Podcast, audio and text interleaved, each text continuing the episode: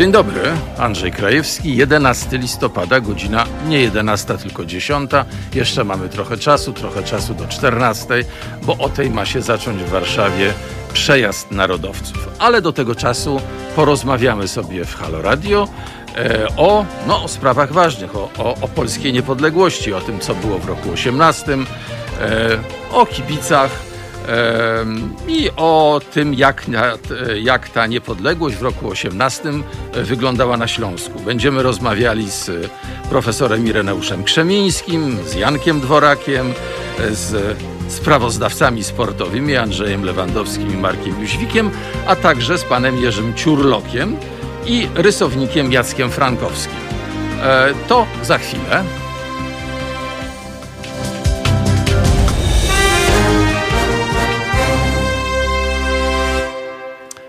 A na razie powiedzmy słowo o naszej kampanii Tydzień w Białymstoku, dlatego że właśnie teraz, w tym tygodniu od 9 do 15 listopada, w Białymstoku jeździ nasze kampanijne auto z hasłem Ile kosztuje nas Kościół? A przypomnijmy, kosztuje 20 miliardów złotych z budżetu e, państwowego, natomiast dla porównania zadłużenie szpitali wynosi 14 miliardów złotych. I e, prowadzimy tę kampanię w ten sposób, że jeździmy taką półciężarówką. Ona jest obwieszona tymi hasłami, hasłem, o którym przed chwilą powiedziałem, i do końca marca 2021 roku odwiedzimy kilkanaście miast w całej Polsce, spędzając w każdym z nich 7 dni. Także nie sposób nie zauważyć będzie tej ciężarówki. Kiedy ona jeździła po Warszawie, sam ją widziałem.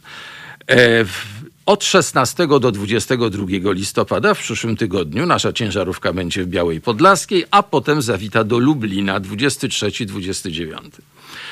E, prowadzimy zrzutkę e, nieprzerwanie. Uważamy, że nasze auto z pytaniem, ile kosztuje nas Kościół, odwiedzi również setki mniejszych ośrodków w całej Polsce. No tam nie będzie jeździło przez tydzień, bo to by nie miało sensu. I prosimy Państwa, jeśli podzielacie nasze zdanie, że za dużo wydajemy na Kościół jako państwo, a Kościół za mało udziela się ze swojej strony, no już tu o kościele nie będę więcej mówił, to prosimy o wsparcie naszej kampanii na www.zrzutka.pl ukośnik kampania. A teraz porozmawiamy o patriotyzmie, no bo 11 listopada to jest dzień do takiej właśnie rozmowy. Czy jest już z nami profesor Ireneusz Krzemiński? Nie ma jeszcze z nami pana profesora. Doskonale. Postaramy się połączyć. Może niedoskonale, ale poradzimy z tym sobie. Będziemy się z nim łączyć. Natomiast ja będę próbował Państwu przez cały ten dzień opowiadać, e, robić taki spacer po Warszawie, spacer z Piłsudskim. Dlatego, że 11 e, listopada to obchodzimy to jako Dzień naszej Niepodległości, ale oczywiście jest to dzień umowny. E, przecież to wyzwalanie Polski z wpierw rosyjskiej, potem niemieckiej niewoli na skutek II wojny światowej, pierwszej, na skutek wojny światowej. Wtedy mówiło się po prostu wojny światowej. Nikt jeszcze nie wiedział, że będą dwie przecież. Więc, e, e, więc to wyzwalanie trwało, e, trwało dłuższy czas i przyjęcie dnia 11 listopada jest no, pewną umową. Rzeczywiście był to dzień bogaty w wydarzenia e, bogaty w wydarzenia i bogaty, można powiedzieć, e, geograficznie. To znaczy, e, Józef Piłsudski, który tego dnia przyjechał specjalnym pociągiem z Berlina, e, był w wielu miejscach w Warszawie. I tak sobie pomyślałem, że może warto e, opowiedzieć Państwu o tych miejscach, e, powiedzieć co, gdzie się działo, dlatego że to są takie mało znane, ciekawe szczegóły. No, z kilkoma rozmówcami, z którymi się umawiałem dzisiaj na rozmowę, pytałem ich na przykład, gdzie mieścił się dworzec kolei warszawsko-wiedeńskiej. Ten dworzec, na który o 7 rano, trzy godziny temu, 11 listopada, ale 18 roku, przyjechał specjalnym pociągiem z Berlina e, Józef Piłsudski. E, nikt nie wiedział. A to bardzo ciekawe. Ten dworzec mieści się, mieścił się na obecnym rondzie imienia Romana Dmowskiego, czyli na skrzyżowaniu dwóch największych warszawskich ulic, Marszałkowskiej i Alei Jerozolimskich. Bardzo jestem ciekaw, czy ci ludzie, którzy o 14 mają dzisiaj spotkać się na rondzie Dmowskiego. No, zapowiedziana jest e, nie demonstracja, tylko e, coś w rodzaju rajdu samochodowego, e, czyli takiego przejazdu samochodów, którymi będą jechali no, patrioci, narodowcy, ci, którzy uważają, że 11 listopada to raz sierpem, raz młotem czerwoną hołotę trzeba bić i śmierć wrogom ojczyzny. I tak zastanawiałem się, jakimi samochodami oni przyjadą, dlatego że no, powinni przyjechać samochodami patriotycznymi, czyli takimi, które są polskie. E, no, pierwsza myśl to, że przyjadą samochodami e, elektrycznymi, które zapowiedział premier Morawiecki, miał być ich milion, no, żeby było chociaż 100 tysięcy, ba, żeby było tysiąc, no, ale nie widziałem żadnego. No więc tak, elektryczne samochody odpadają. No to dalszy wybór to no, tak mi się wydaje, zaraz. Fiat 125, Fiat 126P, no tak, były produkowane w Polsce przez bardzo wiele lat, no ale to nie są polskie konstrukcje. To są konstrukcje, jak sama nazwa wskazuje, włoskiego Fiata. E, no to co? No, Syrenka i Polones. To byłyby najwłaściwsze, to byłyby najwłaściwsze pojazdy, którymi dzisiaj o 14 powinni się zjawić narodowcy. Myślę, że będzie trochę inaczej. Myślę, że będzie tam najwięcej wysłużonych e, BMW, Mercedesów, Volkswagenów, no bo to jest ten główny import samochodów używanych e, e, z Niemiec do Polski i ta patriotyczna demonstracja, a może jakieś DU się trafi, no to przynajmniej było produkowane w Polsce, no i ta patriotyczna demonstracja, jeśli będzie, bo też nie wiem, czy, czy policja nie będzie zatrzymywała, no ale niby na jakiej zasadzie zatrzymywać, jeżeli ktoś jedzie do Warszawy, ma prawo dojechać. No, stanu wyjątkowego klęski żywiołowej jeszcze nie ma. E, więc no, zobaczymy, jakie to będą samochody. E, mm, czy mamy już połączenie? Nie, nie mamy. No, w takim razie e, chwila przerwy.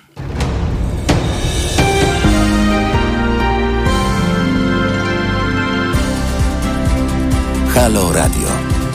Pierwsze radio z wizją.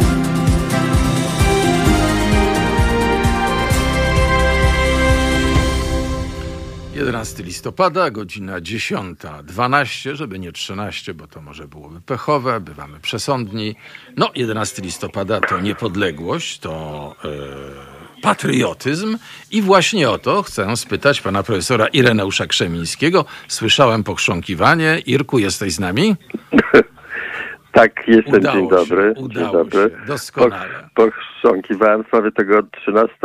No tak, no tak, na wszelki wypadek. No niestety, o już, już mija 13 minuta, wiesz, także spokojnie. 13 nawet tak. jest wiosna, chyba coś takiego e, było. Było coś takiego, tak, tak, pamiętam taką pieśń, ale nie wiem, czy ona była patriotyczna. No właśnie, słuchaj, ty badałeś wszystkich, badałeś Solidarność, badałeś różnych ludzi. Powiedz mi, czy w trakcie twoich badań ujawniło się coś ciekawego, coś charakterystycznego na temat patriotyzmu. No, ja akurat patriotyzmem się nie zajmowałem, chociaż stereotypami narodowymi, e, ale bardzo się przygotowałem dzisiaj do, do tej naszej rozmowy. Bardzo mi miło. I mogę zacząć od takich e, no, językowych, ale też i osobistych pewnych tutaj wyznań, bo wychowany w takim tak. duchu, który nie, nie, nie, spokojnie. który rozróżniał e, słowo nacjonalizm i patriotyzm.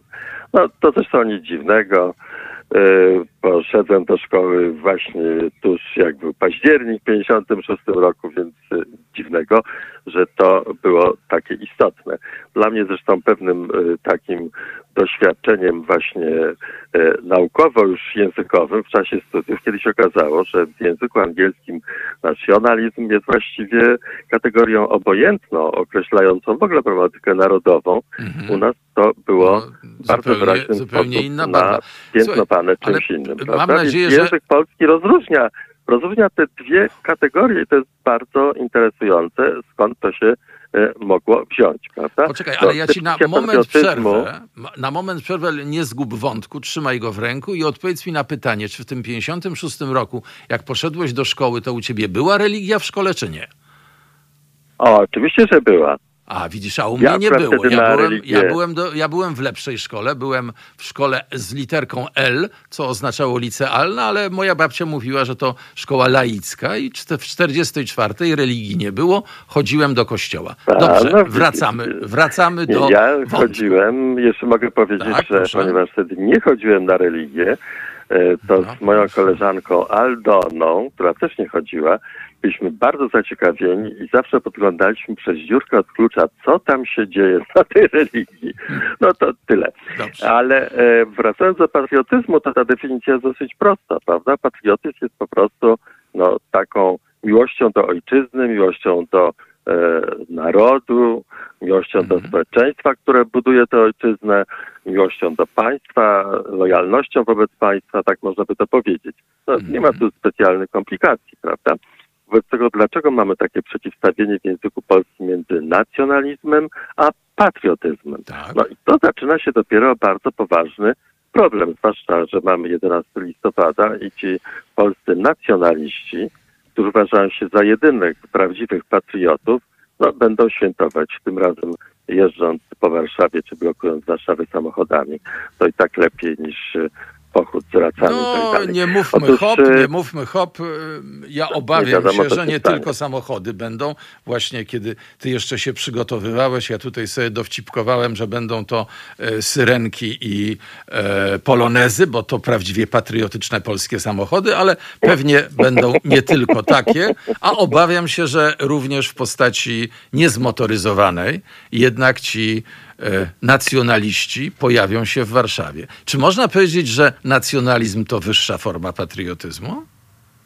Nie, to raczej powiedziałbym, że Boczna, gorsza, gorsza, albo niższa. tak. E, Niższa wersja patriotyzmu i właśnie do tego chciałem wrócić, bo Tak. chciałem wrócić do tej niby prostej definicji, a okazuje się, że właśnie w takich sytuacjach, w takiej konfrontacji dwóch różnych sposobów, po pierwsze rozumienia ojczyzny, po drugie przeżywania tego, co to jest patriotyzm, dochodzi tutaj no, bardzo ważna kwestia, to właściwie o to chodzi. No i chciałem tutaj zacząć, no niestety te profesorskie nawyki mi pozostają. Ja jestem bardzo przywiązany do takiej koncepcji Andrzeja Walickiego, y, nieżyjącego już Mhm. y, profesora, wielkiego badacza idei społecznych, zwłaszcza rosyjskich i polskich, XIX-wiecznych. E, Nie Z szanuję taką, go z zupełnie. taką to, co wielką białą brodą. Z taką wielką białą brodą pan. No tak, pod koniec życia miał taką wielką białą brodę. Otóż e, nie cenię go w ogóle za to, co wygadywał na temat współczesności, co wypisywał o tej solidarności, o tym końcu komunizmu i tak dalej, ale jednak był wielkim badaczem e, tych przeszłych idei.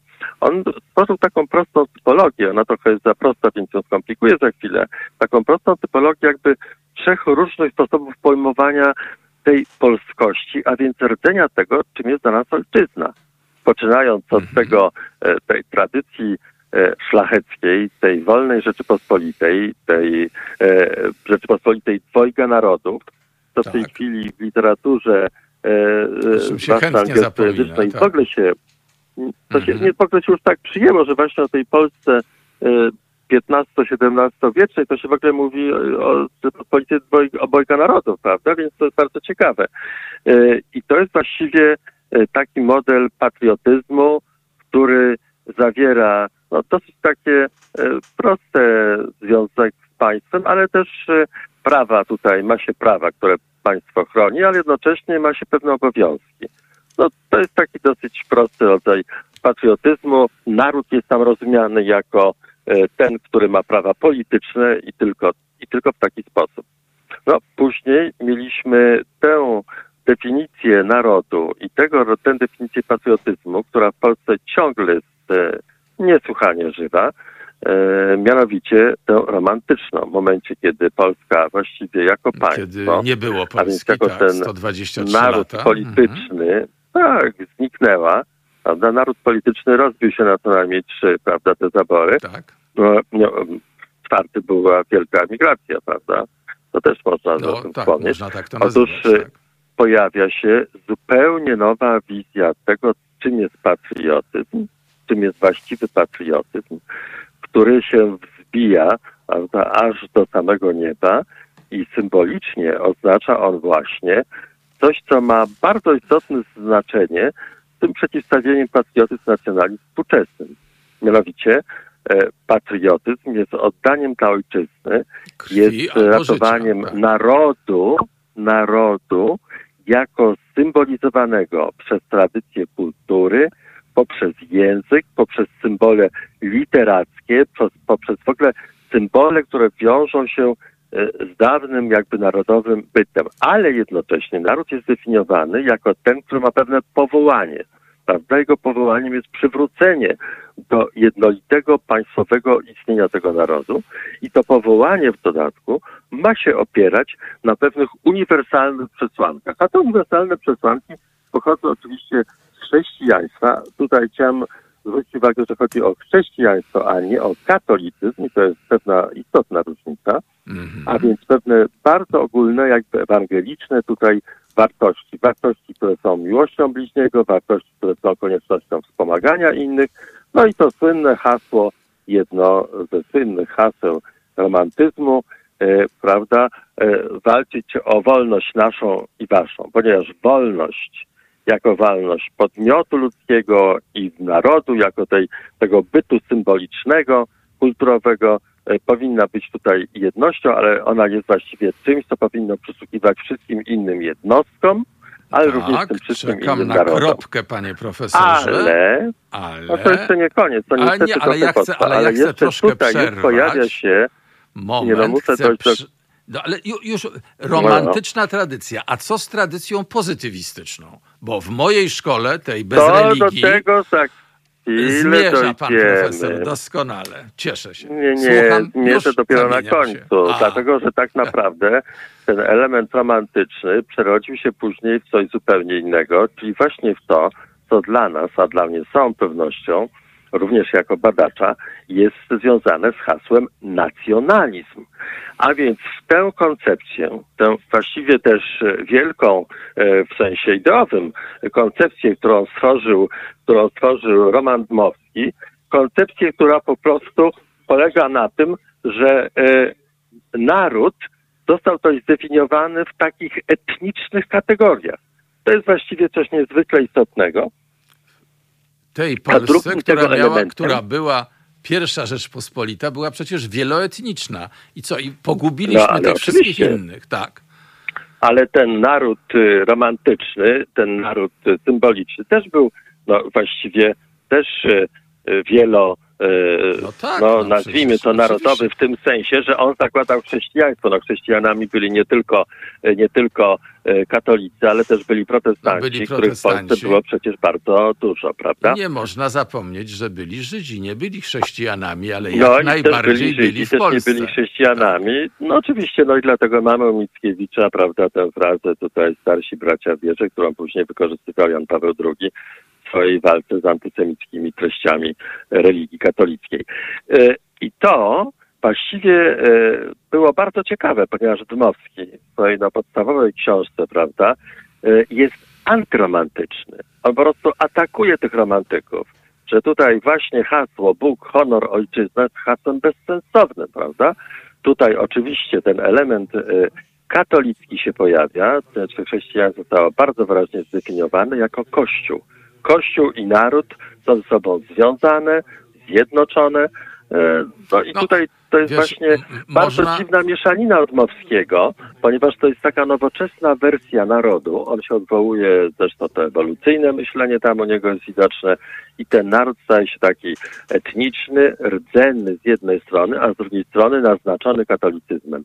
Nie masz Polaka, jak nie masz, nie ma Polak Polaka, katolik, jak nie tak. katolik, Tak, prawda? Polak No i katolik. tu się później ta, roz, ta koncepcja rozwija się zwłaszcza w latach 30. e, naszego e, wieku. E, I to jest właściwie coś, co kompletnie zrywa tą ideą za wolność naszą i waszą, ponieważ Dmowski zakładał właśnie ewolucyjnistyczną taką wizję walki e, międzynarodowej, walki między narodami. Narody tutaj walczą o to, aby mieć lepsze życie, żeby zdobyć wyższą pozycję. E, To jest taka wizja świata o ograniczonych dobrach i trzeba tutaj te dobra wyrwać dla siebie, że właściwie alianse są całkowicie, powinny być całkowicie podporządkowane własnym interesom. No i tutaj dochodzimy wobec tego tej podstawowej różnicy między patriotyzmem a nacjonalizmem. Nacjonaliści e, tworzą taką wizję swojego narodu jako czegoś wielkiego, lepszego od innych, czemu poświęcić trzeba Pamiętasz, Polska jest najważniejsza. Polska jest no, najważniejsza. No, ale można powiedzieć, że no, Polska jest tak. najważniejsza, ale inni są mają dokładnie takie same myślenie, a tak, tutaj nie, nie, ma takiego myślenia, prawda? No, u Niemców Polska to troszkę inaczej. Tak, tak, tak. To jest rodzaj takiej megalomanii narodowej, o której pisał jeden z naszych wielkich etnografów, prawda? Więc to jest właściwie coś niesłychanie istotnego.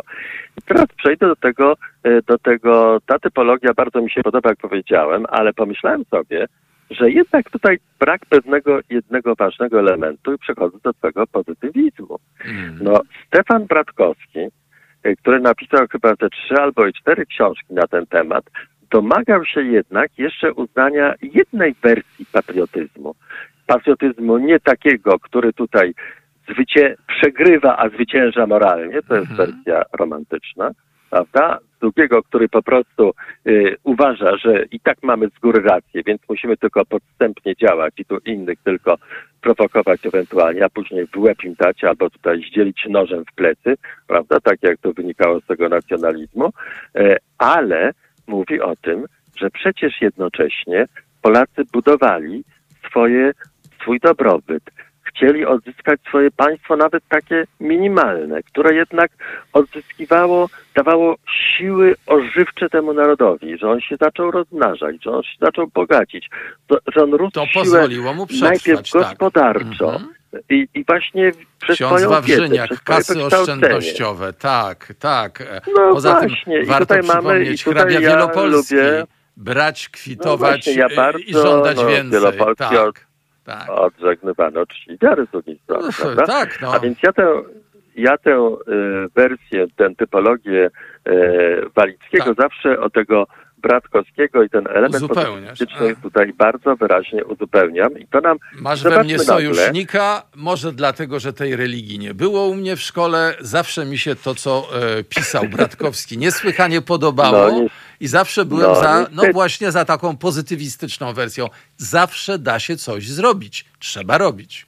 No tak, ale też e, wiemy o tym, że ten patriotyzm na przykład w dwudziestoleciu międzywojennym był całkowicie rozdarty i właściwie doszliśmy teraz do tego poziomu, który jest kompletnie analogiczny do tamtej sytuacji. Po prostu ten patriotyzm, który polega na owszem, e, uważaniu, że mamy swoiste cechy, że mamy swoją historię, że mamy swoje własne cierpienia, nie powinien nas zamykać na tym, że inni mają nieco inną historię, mają inne cierpienia, mają swoje cechy. Ale to nie znaczy, że one są gorsze. Swoje cechy. Tak. Mhm.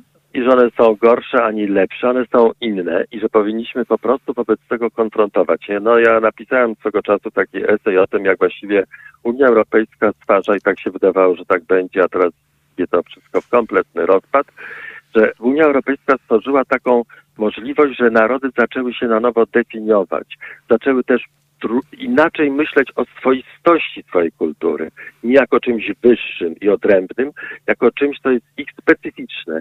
I że Unia Europejska jest taką wielkim forum, takim wielkim forum, na którym występują narody, mówią, my mamy taką wersję tej wspólnej historii. My mamy takie i takie cechy, mamy takie i takie kuchnie, mamy takie i takie tradycje, no mamy takie produkty regionalne, które wspiera, które przedstawiamy. Tak. I, mhm. no właśnie, no, przedstawiamy no, to na tym to forum tak, wspólnym. Tak. I zauważmy Państwo, zauważmy proszę Państwa, że wejście do Unii Europejskiej spowodowało sposób bardzo szybki, zaskakująco szybki, kompletną przemianę stereotypów Polski i Polaków e, e, w Europie. Co więcej właśnie, zostaliśmy włączeni w ten obieg kulturowy znacznie bardziej niż przedtem. No, no teraz to jest przez pięć lat mamy kompletne zablokowanie tego mamy procesu. Mamy zablokowanie, a mieliśmy, a mieliśmy we Francji polskiego hydraulika.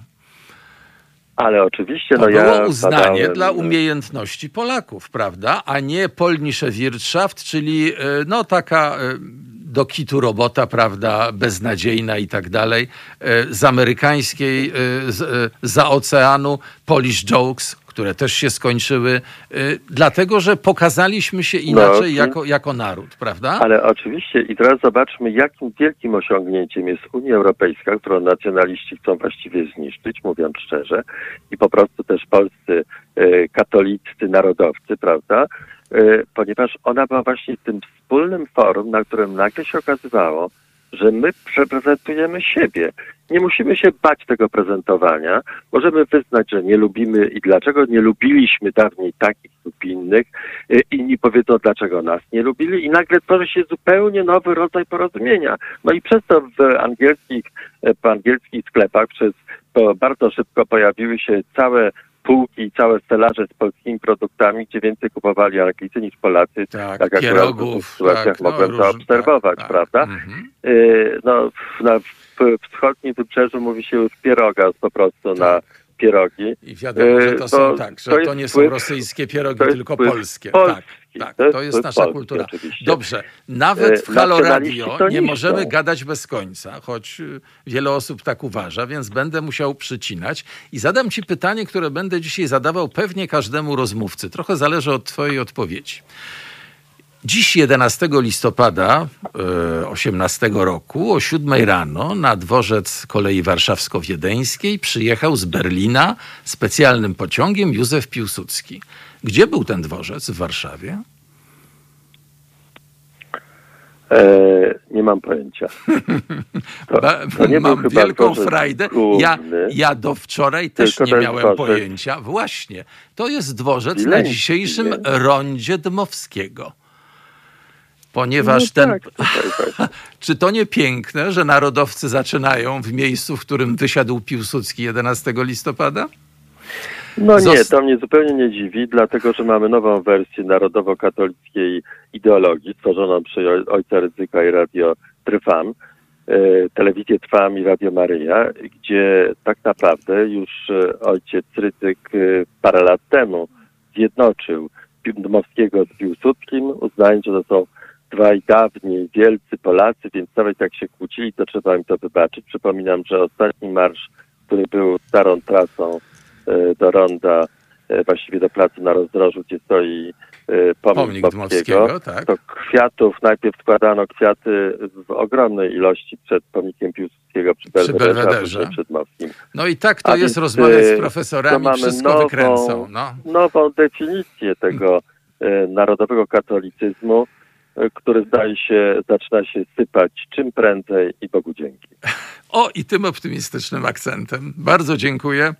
E, bardzo dziękuję. Profesor Ireneusz Krzemiński odrobił fantastycznie lekcję historyczną i chociaż sam tego nie badał, to wywiódł nam e, w piękny sposób, w jaki, e, jak narodowcy w tej chwili pojmują historię, jak ją pojmuje e, ojciec Rydzyk. Dziękujemy serdecznie.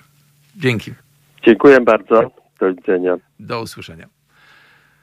To teraz odpocznijmy chwilkę przy muzyce. Halo Radio. Gadamy i trochę gramy.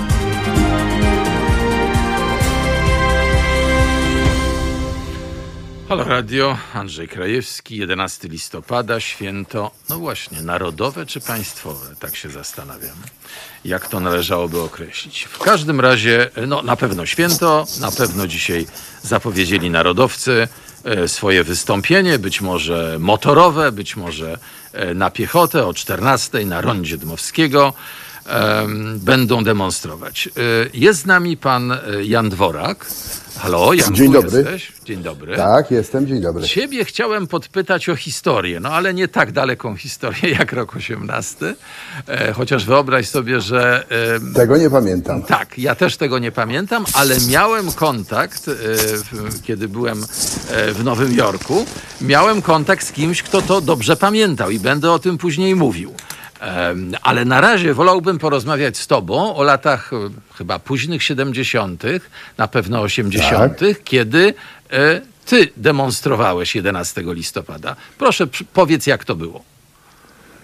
Hmm, e, to obracałem się w gronie młodych ludzi, którzy, mm, dla których ważna była mm, historia, albo tak naprawdę to odkłamywanie tej historii.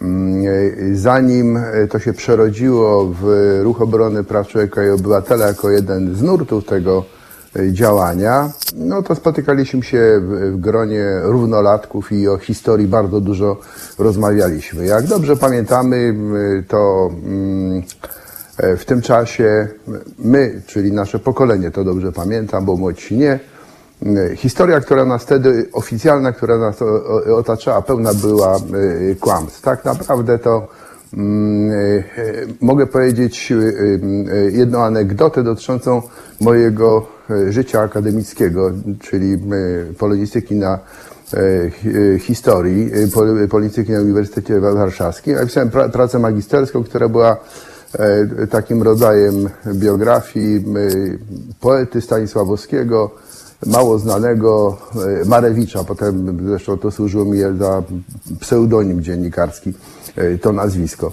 E, Prowadził mnie starej daty profesor, który, jak napisałem tę pracę, powiedział, no może to opublikujemy w przeglądzie humanistycznym, ale wie pan co, boję się, że ponieważ to jest antyrosyjskie, bo ten poeta działał w czasie insurekcji kościuszkowskiej, nieco wcześniej pisał takie bardzo złe poezje, ale one były rzeczywiście antyrosyjskie. I, i, i e, profesor e, Libera, Zdzisław Libera, e, wspaniały człowiek, mówi, wie pan co, chyba jednak to nie przejdzie. I to mi uświadomiło, że no nie tylko Związek Radziecki jest taką świętością, o której nie można było nic złego mówić, ale tak naprawdę cała historia stosunków polsko-rosyjskich, no i szczególnie oczywiście polsko-radzieckich, jest zakłamana. No, Tych, pamiętasz y, o rzezi Pragi? Przecież to było, je, Boże, powstanie kościuszkowskie, ale o rzezi Tak. Pragi mówiło się półgębkiem. To, to nie było. Nie, tak, nie, nie podkreślało Nie, się nie tego. podkreślało nie podkreślało się się, tego, nie podkreślało. To Tak. ofi- oficjalnie władze tego nie podkreślały. Jeszcze jak sięgamy już tak e, daleko, no może e, do XIX wieku tym razem, to ja sobie przypominam, kiedy były organizowane już pod koniec lat 70. różne rocznicowe msze w warszawskich kościołach, to klepsydry, e, które zapowiadały msze za m, powstańców styczniowych, też były zrywane w nocy. No, domyślam się, że przez odpowiednie władze. Sam je rozklejałem razem z, z kolegami. Tutaj organizował to niezapomniany, nieodżałowany no tak, no, powstanie styczniowe. styczniowe antyrosyjskie też było niedobre, oczywiście. Tak jest, Tak. tak. jest. Więc w pewnym ograniczonym zakresie można było o tym pisać. No, w- wyszła w PRL przecież wspaniała monografia e, profesora Kieniewicza o powstaniu styczniowym, ale to było jednak takie wydawnictwa reglamentowane, e, natomiast szerzej o tym się właściwie nie mówiło, a już rzeczywiście takim absolutnym embargiem trudny, na trudne tematy w stosunkach polsko-radzieckich było wszystko od roku 1917. To No tak, już tak, oczywiście nie można oczywiście. było I-. No i w tę atmosferę, y, tutaj muszę podkreślić, bo wspomniałem y, nazwisko Wojtka Ziembińskiego, może przyjdzie nam jeszcze, czy będzie okazja wrócić krótko do tej postaci zapomnianej, a wartej pamięci, zwłaszcza Pamiętam 11 solidnie listopada. zbudowany, łysy pan o tubalnym głosie. Tak jest, no to taki długoletni działacz opozycyjny, bo on jeszcze był w klubie Krzybełego Koła, które przecież było licencjonowane, ale, ale Lata potem 60., zamknięte przez władze tak, PRL tak. w latach 50. i 60. E, Potem był członkiem y, koru, prowadził salon, w którym się spotykali, no, bardzo wiele osób się spotykało z różnych stron y, obecnej sceny politycznej, jakbyśmy mogli Mhm. powiedzieć, prawda? Wtedy to, to była y, właściwie... no, Janku, i tylko tego taka 11 część opozycyjna. listopada Ziembiński, tak jak wiem ty, jak raz chyba też obserwowałem to, spotykaliście się, składaliście wieńce pod grobem nieznanego żołnierza. Tak, to chyba, była, to chyba była rzeczywiście inicjatywa Wojtka Ziembińskiego, ale do tego dołączyli się inni y, wówczas już y, y, działacze Ruchu Obrony Praw Człowieka i Obywatela, bo taka pierwsza duża manifestacja z okazji 11 listopada była w 1978 roku. Rok wcześniej powstał Ruch Obrony Praw Człowieka i Obywatela. Ale rzeczywiście to była manifestacja, która y, rozpoczęła się mszą y, w katedrze, no i potem taki tłumek, wcale nie taki mały, myślę, że to było no, około tysiąca osób. Jak na e, tamte czasy to było naprawdę dużo. Przemaszerował krakowskim przedmieściem na ówczesny Przez plac, plac zamkowy, no to jednak kawałek drogi. I, i jak milicja traktowała e? Milicja nie ingerowała. Milicja Aha. nie ingerowała. Yy, Były takie próby wyszarpywania wieńca na początku, yy, zaraz po wyjściu z katedry, bo tam był wieniec, który miał być złożony właśnie przed grobem nieznanego żołnierza, ale to się nie powiodło. No i, i ten yy, tłum pomaszerował do grobu nieznanego żołnierza i jedyne, co, co, co się wydarzyło, to wygaszono światła. Tam wtedy stały takie A, gigantyczne maszty na, na placu, które, Ta, aha. Tak, które go oświetlały i nagle e, jak ten tłum e, znalazł, weszliśmy na ten plac e, w- zwycięstwa Wtedy, ówczesny, tak, nagle zgasło, tak. zrobiło się bardzo ciemno. Więc rok później, a, przypomnij tę atmosferę, bo to jest, powiedziałem, o ruch obrony praw człowieka i obywatela, ale już oczywiście funkcjonował też Komitet Obrony Robotników w tym czasie. Mm, No i już e, m, m, był wybrany e, papieżem Jan Paweł II, No tak. który też e, bardzo no, wyraźnie podniósł taką temperaturę em, życia opozycyjnego. Więc w takiej atmosferze i, i przy tej okrągłej 60. rocznicy e, powstania państwa w Tak, 1918 roku to było możliwe. Rok później to jest ta manifestacja, o której wspomniałeś pewnie. E, Myśmy się przygotowali do tego e, od, również od strony, bym powiedział, logistycznej. Ludzi było o wiele więcej, bo to już było po pielgrzymce No e, Jana tak. Pawła II, więc, więc ta atmosfera zrobiła się no, jeszcze bardziej taka patriotyczna. Ludzie się policzyli, zobaczyli, że mm, podobnie myślących Jest, jest. ludzi o Polsce jest więcej, e, tak. więcej, więc ten tłum był większy. No i my poszliśmy e, tak jak poprzedniego roku już w o wiele większym e, tłumie na plac e, zwycięstwa, e, gdzie również wygaszono nam e, lampy, to jest jasne, ale byliśmy na to przygotowani, jak mówię, logistycznie. E, Adam Hajewski, e, mój kolega i przyjaciel, pracownik Wydziału Chemii Uniwersytetu Warszawskiego, e, przygotował e, kilkanaście co najmniej pochodni, które zapłonęły. Zrobiła się taka atmosfera niezwykła. E, mm, e, No i w tej atmosferze przemawiało kilka osób. Przemawiał Andrzej Czuma, przemawiał e, właśnie Wojtek Ziembiński, e, Bronek Komorowski, no i taki kolega Janowski ze, ze Zduńskiej Woli. No, oni wszyscy potem zostali oczywiście... Czy mieliście jakieś nagłośnienie? Jak to wyglądało? Nie, nie, Ja nie pamiętam. Nie, pamiętam, tak, że wydaje- było nagłośnienia. Ja, jeśli, dlatego ten jeśli tubalny było, głos Ziembińskiego mi się, mi się y, upamiętnił, bo, bo wydaje mi się, że właśnie jego usłyszałem dzięki temu głosowi. Wiesz, y, jeśli było jakieś nagłośnienie, to mógł być jeden y, ręczny taki głośniczek. Mhm. To możliwe, ale tego, tego nie pamiętam. Ja akurat tego nie przygotowałem i to mi się nie, nie wyryło w pamięci. No, byłem pod wrażeniem w ogóle całej tej manifestacji. E, Stałem tam w tłumie, e, no, akurat przyniosłem ulotki, e, razem z, z kolegami je rozrzucaliśmy. E, No i potem to się zakończyło, jak wszyscy wiemy, e, e, tak zwanym e, kolegium. E, Potem była Orzekającym, rozprawa tak. odwoławcza. Kolegium orze- orzekającym oni zostali ci przemawiający skazani na e, karę aresztu tam między od miesiąca do trzech miesięcy. Potem była odprawa, rozprawa odwoławcza w sądzie. No i słynny e, sędzia Kryże potwierdził te, A, tak.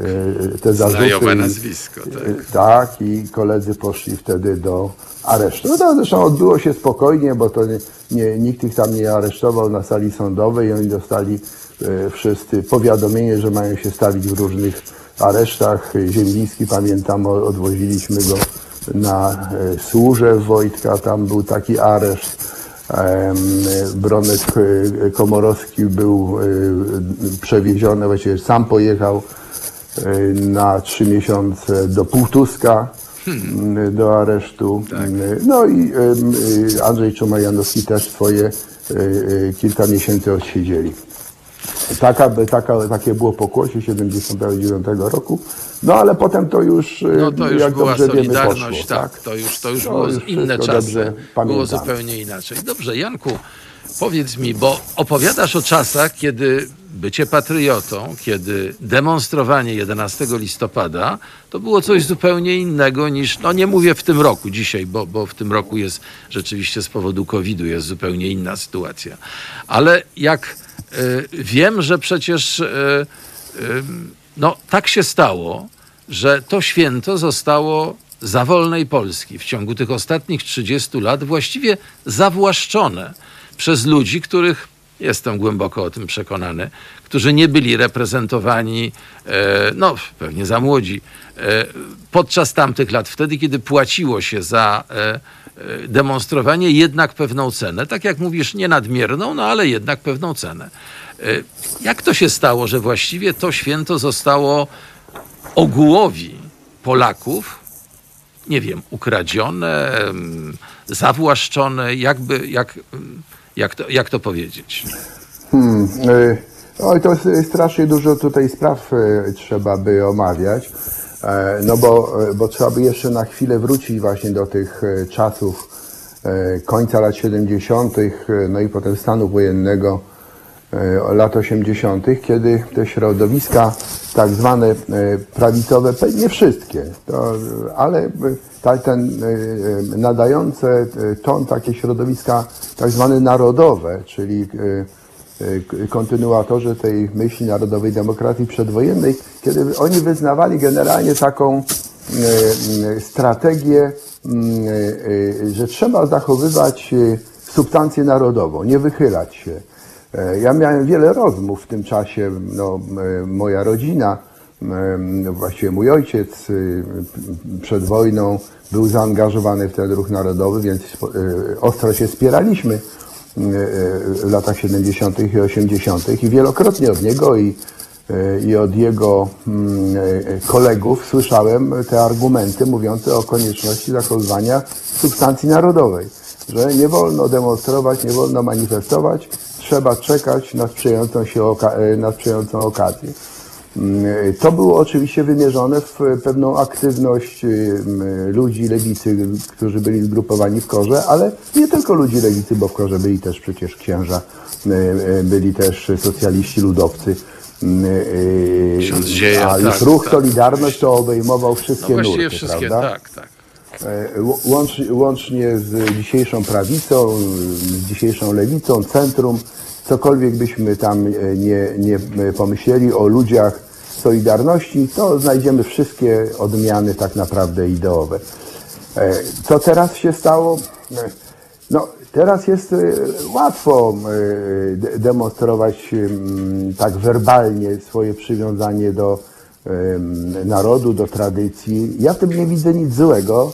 No, do momentu, dopóki nie zatrąca to o pewien rodzaj wykluczania innych to jeśli ktoś chce przeżywać e, m, swój m, e, patriotyzm w tym Dniu Święta Narodowego, e, idąc w marszu narodowców, proszę bardzo, tylko niech ta manifestacja będzie ożywiona wartościami, które są nam dzisiaj potrzebne, a tymi wartościami jest porozumienie społeczne. Tymi wartościami jest troska e, o to, co mm, e, grozi nam dzisiaj. Czyli niech to będzie troska o nasze zdrowie, niech to będzie troska o awans młodego pokolenia, o budowę mieszkań, o, o rzeczywiste bezpieczeństwo narodowe, no, o, o nasze miejsce w Unii Europejskiej, bośmy sobie znaleźli dobrze we wspólnocie e, krajów Europy Zachodniej. Janku, ale, ale Więc prezydent... to będzie o to oparte. Tak, ale prezydent Komorowski miał taką, y, była przecież taka inicjatywa takiego marszu, pamiętam, szedłem w tym marszu e, e, po Nowym Świecie, po krakowskim przedmieściu, e, e, takie rozetki w klapach, prawda, czyli marsz no na pewno nie, e, nie nacjonalistyczny, tylko taki marsz powiedziałbym patriotyczny. No i No tak, to bo- zaniknęło, bo- prawda, to... e, On, tak, on nikogo, on nikogo nie wykluczał, tam były właśnie Tak. takie hasła namawiające do jedności, do, porozumienia, do wzajemnego zrozumienia między różnymi wrażliwościami Polaków. To prawda, ale on zaniknął rzeczywiście w konfrontacji no, z tym ruchem młodego pokolenia.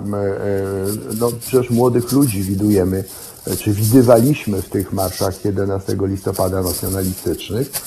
No ale e, popatrzmy teraz, to młode pokolenie no, demonstruje jeszcze młodsze pokolenie z zupełnie innymi tak hasłami. Prawda? Z innymi hasłami. Myślę, że jest e, dalekie Więc, od nacjonalizmu. Tak.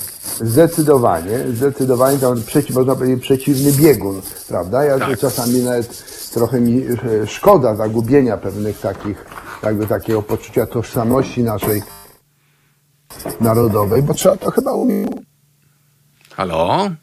Halo? Mamy jakiś mały kłopot z połączeniem. E, tak. E, nie zgubiliśmy pana Jana Dworaka. E, halo, spróbujemy jeszcze. Nie, nie da się. Nie szko znaczy, szkodzi oczywiście, bo, bo, ale w zasadzie doszliśmy już do tego, co jest obecnie, do zgubienia, e, jak powiedział pan Jan Dworak, młodego pokolenia, obecnego. E, mm, czy tak. odzyskaliśmy ja połączenie? Jestem. Dobrze, Janku, to dokończ sam, bo ja chciałem już i tak będziemy musieli już kończyć. Słuchaj, e, ja chciałem, mam... tylko, chciałem tak. tylko powiedzieć, że e, może e, dwie krótkie, krótkie rzeczy. Po pierwsze o tym szlaku Y, krakowskie przedmieście, y, Nowy Świat, Nowy Aleje Świat. Ujazdowskie. Tak. On został uzupełniony, bo jak wszyscy... Halo? Halo? No jednak rwie się nam coś. E, internet e, nas nie wspomaga. Myślę, że e, Janek chciał powiedzieć, pan Dworak chciał powiedzieć o tym szlaku, którym, na którym rzeczywiście jest i pomnik Dmowskiego, jest i pomnik Piłsudskiego. Został niedawno, będziemy o tym mówić, uzupełniony też niedawno pomnikiem. Halo? Śląskiego. Ja jestem. Tak, właśnie, Korfantego. Halo? Czy chciałeś może o tym wspomnieć?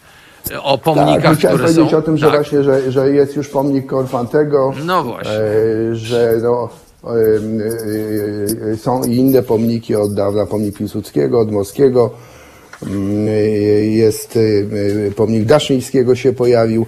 Także jest taki panteon postaci ważnych dla 1918 roku i to jest chyba naturalne, żeby, żeby taki rzeczywiście jakiś pochód, marsz e, szedł tą trasą od placu e, Piłsudskiego do Belwederu. Może ta tradycja może, się Może tak, może taką tradycję uda się zbudować. No, w tym roku e, z powodu COVID-u sytuacja jest wyjątkowa. Zobaczymy jak będzie. Takiego, takiego Pochodu nie będzie na pewno, a jak będzie za rok zobaczymy, bo sytuacja jest ciekawa. Mogą być duże zmiany. E, pan Jan Dworak, e, były szef telewizji, były szef Krajowej Rady, e, a w latach 70. dziennikarz, dziennikarz prasy sportowej. E, to było ciekawe, bo tak. E, to było. ja o tym nie Ale powiem. nie tylko. Ale nie tylko, nie tak. Ale to było tylko. ciekawe, że można było przetrwać w tamtym czasie, być w opozycji, a jednocześnie mieć e, jakieś takie no, spokojne miejsce pracy, prasa, prasa sportowa, bo kiedyś mi o tym opowiadał. Bardzo dziękuję. Tak jest. Bardzo ja dziękuję. dziękuję bardzo. Mm, I do usłyszenia w przyszłości. Do usłyszenia.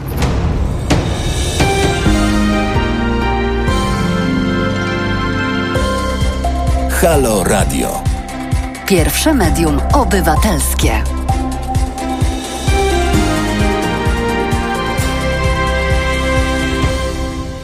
Jedenasty listopada, święto państwowe, narodowe, e, święto odzyskania niepodległości przez Polskę po 120, 123 latach.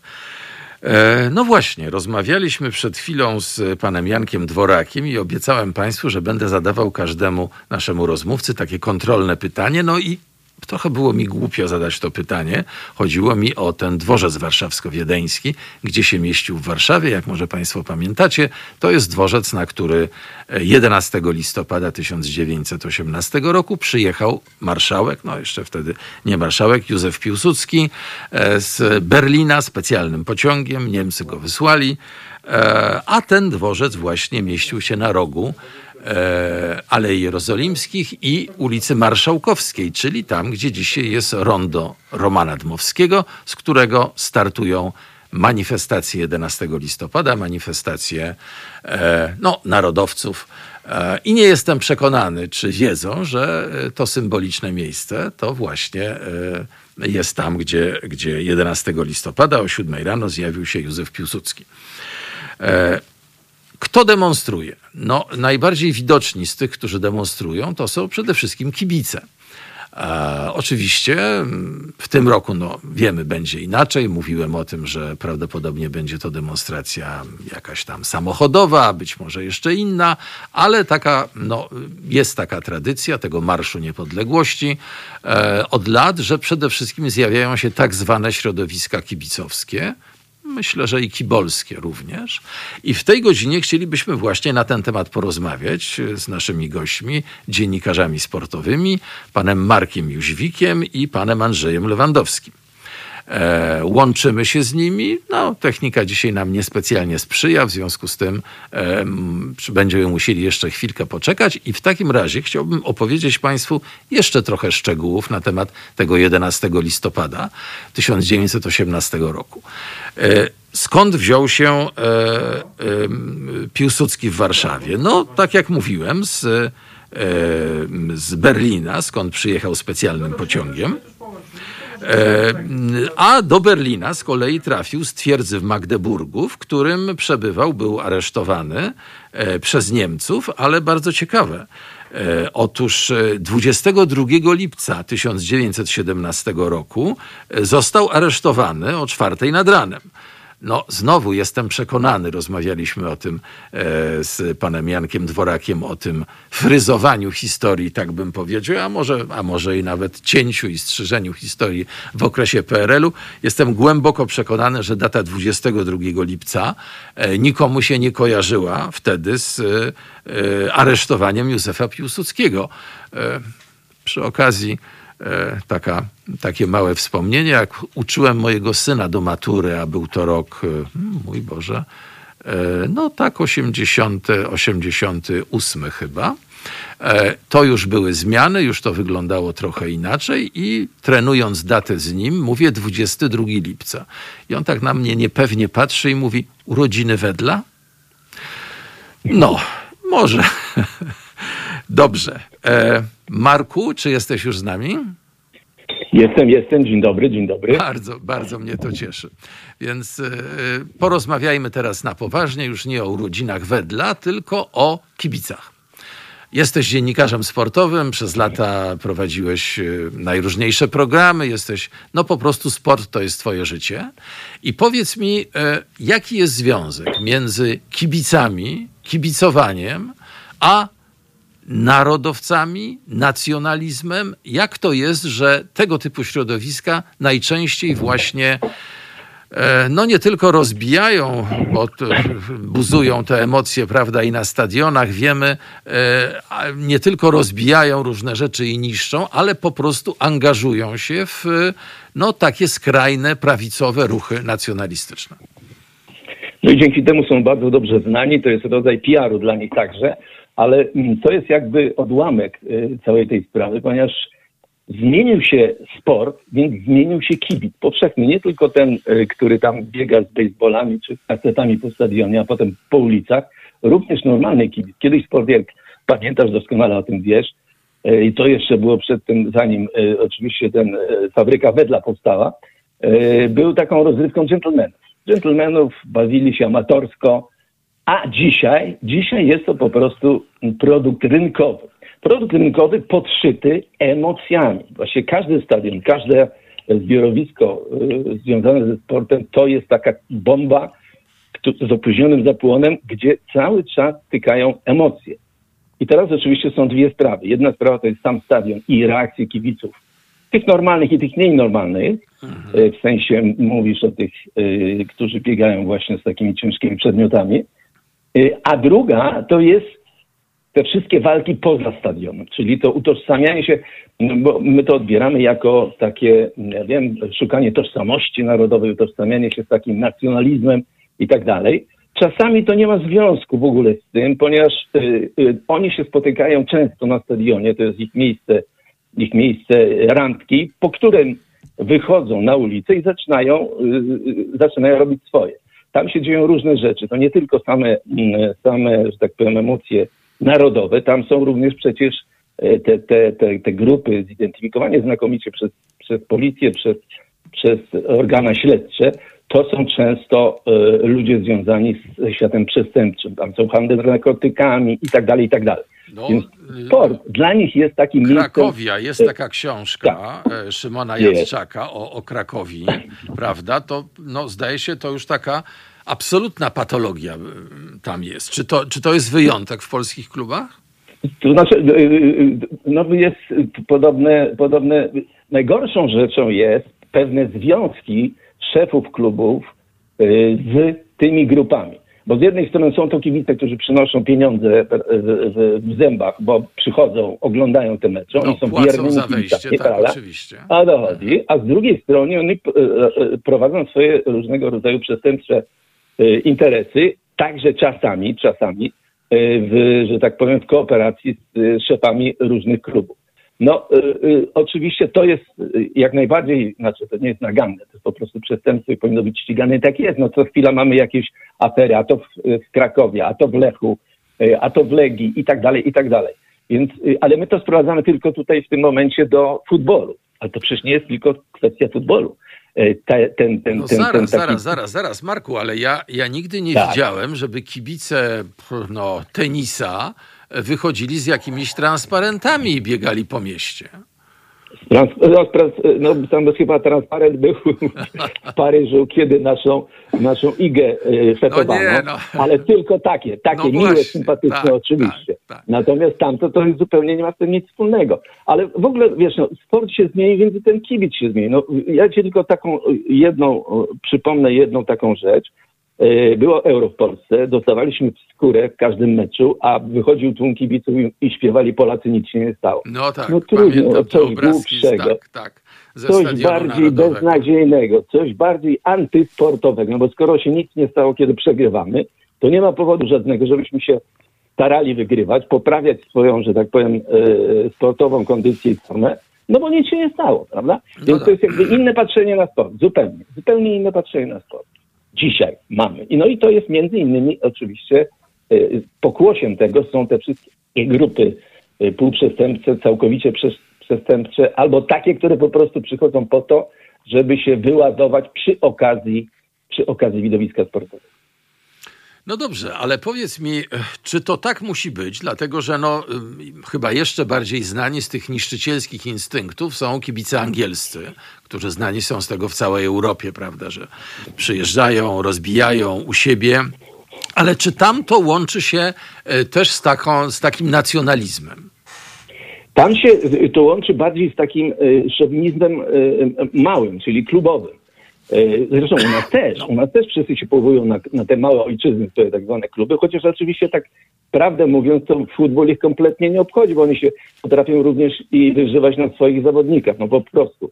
Od kibica melomana, o czym mówiłem na początku, do kibica demolki, no taką drogę przeszedł sport i cała, całe widownie sportowe. A w Anglii, no pani Thatcher to załatwiła bardzo pięknie. Po prostu były tak potężne kary finansowe, które ich wszystkich y, bardzo uspokoiły. Teraz to jest jedna z takich bardziej spokojnych y, publiczności piłkarskiej. To bardzo ciekawe, czyli pani Thatcher miała twardą rękę nie tylko do tak górników, tak, tak ale tak, i do kibiców. Tak, tak. To, to akurat kibiców. nie jest powszechnie znane, tak. No tak, tak, ale to, to były naprawdę to były No kary, dobrze, ale czy te, czy, czy, te, czy te rozwiązania pani Thatcher jednak z lat 80. pasują 40 e, lat później, do lat 20., czy w ogóle uważasz, że istnieje potrzeba zrobienia jakiegoś porządku e, no, z tą przemocową częścią e, kibiców? Zdecydowanie tak. No są też zakazy stadionowe, które nie działają, bo ciągle u nas te kary są takie no, symboliczne, szczerze powiedziawszy, słabo egzekwowane, bo to też prawo jest, ale prawo trzeba egzekwować, więc ono jest tak sobie egzekwowane. Mówiłeś o tenisie przez pewien moment. Oczywiście tenis tak, ale już na siatkówce, już y, y, na, na koszykówce te elementy takich awantur kibicowskich są Aha. przenoszone. Na skoki narciarskie, jakby- skoki narciarskie Skoki też. narciarskie, y, znaczy tam jest y, taka fiesta narodowa, bo my znamy te skoki narciarskie głównie z y, turniejów Zakopanych. No, no tak, biało-czerwono, śpiewy tak, tak, tak. ale tam na zapleczu, tam, tam na zapleczu kipi, tam się dzieją również różnego rodzaju burdy. No, powiem ci tak, może to jest rzecz niepopularna, ale sport jako taki w ogóle, widowisko sportowe jest podszyte agresją. No, Agresją, to jest agresją, przecież którą to jest jakby no pokojowa forma e, realizowania walki, prawda? Walczymy Tak według pewnych reguł, ale walczymy. Tak, No, tak. walczymy, tak jak pisał Orwell i, i dobrze, y, że to jest wojna bez strzelania. Chyba, że to jest sport strzelecki, to wtedy jest strzelanie. No tak, tak. Natomiast y, y, jest, dlatego że każdy zawodnik, zob- zobacz, no, przy- przypomnij sobie obrazek tyczkarza przed skokiem. Wiesz, robi dzikie miny, y, uderza się po klatce piersiowej, ładuje się taką y, agresją Aha. sportową, która jest mu potrzebna właśnie do tej walki. I ta, ta taka mm, agresja właśnie, ta, ta, ta, ten, ten taki dym e, e, agresywny, on jest cały czas obecny y, na każdym obiekcie sportowym. Więc to też e, przyczynia się w pewien sposób do mm, takiej podgrzanej atmosfery. No bo co, czym jest dzisiaj sport? Sport to jest handel emocjami, więc musi być podlane potężnym sosem emocjonalnym każde widowisko. No a skoro tak, no to, to, To ta bomba ludzie są tyka. To nabuzowani, tak, po, Tak, podminowanie, tak, tak, podminowanie. tak. Naj, naj, najfajniej jest, jak, jak, jak y, skupiają się i, i, i wybuchają przy pięknym jakimś widowisku, przy fantastycznej walce sportowej, czystej, no na przykład oglądając Bolta, który bi- bije fenomenalne rekordy świata, no tam rzeczywiście to są, to są momenty y, no, pamiętne i, i, i świetne. Natomiast nie zawsze tak jest. Czasami to się wymyka po prostu. Tak, Marku, no y, ja powiedziałem y, na wstępie, że ja nie jestem kibicem i nigdy nim nie byłem, ale jednak miałem w życiu pewne wyjątki. Jeden to był w Ameryce. E, Tam mój syn chodził do e, amerykańskiej szkoły i w związku z tym myśmy mieli zadanie sprzątania stadionu. No więc wpierw poszliśmy na ten stadion, to było Wen Arbor, e, stadion baseballowy oczywiście, no bo to narodowy sport amerykański. I muszę ci powiedzieć, że mm, przeżyłem, no nie to, że rozczarowanie, ale ogromne zdziwienie. Przede wszystkim to nie byli napaleni faceci na trybunach, tylko były całe rodziny. E, oglądanie baseballu było nudne jak flaki z olejem, bo niespecjalnie znałem Bo nudne, tak. zasady, bo jest nudne, ale na szczęście były stoiska z parówkami, z piwkiem, można było właśnie pogadać z innymi rodzicami yy, yy, ze szkoły Maćka, no a potem sprzątaliśmy, to jest osobna historia, sprzątaliśmy stadion. E, Mam pytanie, czy, czy to nie może wyglądać tak, czy nie, czy może trzeba byłoby próbować, żeby właśnie całymi rodzinami się chodziło, a nie tylko napaleni faceci. No jednak obecność dzieci, obecność kobiet, może nie wszystkich, no ale jednak na ogół, matek, o tak to nazwijmy, no łagodziłaby te emocje, nie sądzisz? Tak, tak, e, dlatego już na marginesie tylko powiem, że kobiety są fantastycznymi kibicami sportu i do dziennikarzy sportowych, również do kobiet trzeba się zwracać, ponieważ oni naprawdę rozumieją sport znacznie lepiej niż mężczyźni, bo mniej tego testosteronu. A teraz a propos Amerykanów, to jest inna kultura sportu i inna kultura kibicowania. Nie wiem, czy pamiętasz mundial w Stanach Zjednoczonych. No, największym odkryciem e, tamtego mundialu była publiczność publiczność, która reagowała, biła brawo wszystkim i swoim i nie swoim, reagowała na wydarzenia sportowe e, w sposób spontaniczny, w sposób no, niezwykle, e, niezwykle fajny. Ten mundial pod tym względem przeszedł do historii, ponieważ nie było żadnych e, burt, nie było żadnych e, rozrób. To było właśnie to, o czym mówisz. No publiczność, przychodziły całe rodziny, Amerykanie cieszyli się. Oni, dla nich futbol to jest futbol amerykański. To nie No, jest, tak, to jest tak, tak oczywiście. też e, ta, ta, ta, ta, kopanina. Nie bardzo, nie bardzo go rozumieli, ale szybko się, e, szybko się zorientowali, o co w tym chodzi i wiedzieli, że chodzi w tym o sport, o sport. O sport, o, o po prostu czystą, ładną Mhm. e, walkę, ładne widowiska, estetyczne. e, Komu się doznania. uda przemknąć, prawda, i, i tę piłkę wkopać. No. Tak, tak, a tak, nie, no a nie utłuc przeciwnika, jak sędzia nie widzi, to go łokciem, to go kolanem, to go stopą, no i tak dalej, i tak dalej. No i to było to, co nazywamy świętem sportu. Najczęściej mamy święte wojny w tym, e, W tym futbolu. sporcie, Natomiast tak. Tak, natomiast to było wielkie święto sportu i wszyscy w ten sposób to odebrali ze totalnym zdziwieniem. No, już nie chcę ci zanudzać Państwa e, liczbą e, katastrof związanych z futbolem, e, wypadków śmiertelnych, gnieceń i tak dalej, i tak dalej, po czym No. od Heidel na wszystkim innym Tak, kończę. tak, ten no, Więc- właśnie straszliwy. Więc tak. taka Ameryka i taki mundial w Stanach, no był odkryciem swego rodzaju, takie Discovery. No to rzeczywiście ciekawe. I to jeszcze chciałem ci powiedzieć o drugim przypadku, kiedy zostałem kibicem. Na krótko, co prawda, niedawno y, znajomi zaprosili mnie na mecz takiej drużyny Zły. Nie wiem, czy wiesz, jest taka w Warszawie i tam są takie tradycje bardzo ciekawe, że właśnie oklaskuje się zarówno swoich, bo jest drużyna, ona jest głównie złożona z e, tu trochę cudzoziemców, no to oni są w ogóle poza wszelkimi ligami. Ale ym, oklaskuje się ym, również drugą stronę. No w ogóle to, to jakby z, z założenia ma zupełnie inaczej wyglądać. Więc jak się okazuje, jest możliwe, jest coś takiego możliwe, no ale, ale to, nie, jest- to jest klub, który, którego nikt prawie nie zna. E, To w ogóle nie, nie wygląda na ten prawdziwy, nasza Legia, prawda, i tak dalej, i tak dalej. Tak, tak, tak. tak, E, tak. no to słuchaj, będziemy kończyć niedługo, ale chcę cię spytać, czy, czy ty widzisz jakieś, jakieś rozwiązanie tego? Bo jeszcze jedna uwaga. Powiem ci, że jak z moich podatków e, policja e, otacza stadiony i e, no, pilnuje tych kibiców. E, jak w środy są mecze na Legii, to ja o tym wiem, bo, bo widać, e, widać tych ludzi na, na ulicach. To ja się zastanawiam, a może to powinno być tak, że to klub jednak powinien płacić, znaczy jeden, drugi, nie wiem, organizator meczu, powinien płacić za tę policję, dlatego że to jest no, takie specjalne wydarzenie. Oczywiście, że ona chroni e, mnie jako obywatela, ale gdyby tego meczu nie było, to nie musielibyśmy na to wydawać. Co prawda, jak widzę teraz te ogromne zastępy policji na ulicy Mickiewicza i w innych miejscach miasta, no to zastanawiam się, kto powinien za to płacić, no ale to jednak jest trochę inna historia. To jest też rodzaj igrzysk y, y, takich y, y, robi policja z tego, no bo jednych puszcza, drugich zatrzymuje, bo to, to też nie tylko policja, bo także ochrona, czyli ochrona często jest związana, ochrona stadionu często jest związana z tymi grupami i ma zakaz stadionowy, czy nie, i tak zostaje wpuszczony. Rzecz jasna, to powinno zostać ucywilizowane. Oczywiście sport jako taki w ogóle, no w świecie mamy dzisiaj globalizację, wszystko jest podobne, wszędzie hamburgera można kupić i zjeść, więc wszystko jest takie samo, więc to jest jakiś rodzaj poszukiwania tożsamości poprzez sukces sportowy, ale powinno być to z zachowaniem kultury sportowej. Tak właśnie jak w Stanach Zjednoczonych to się odbywa.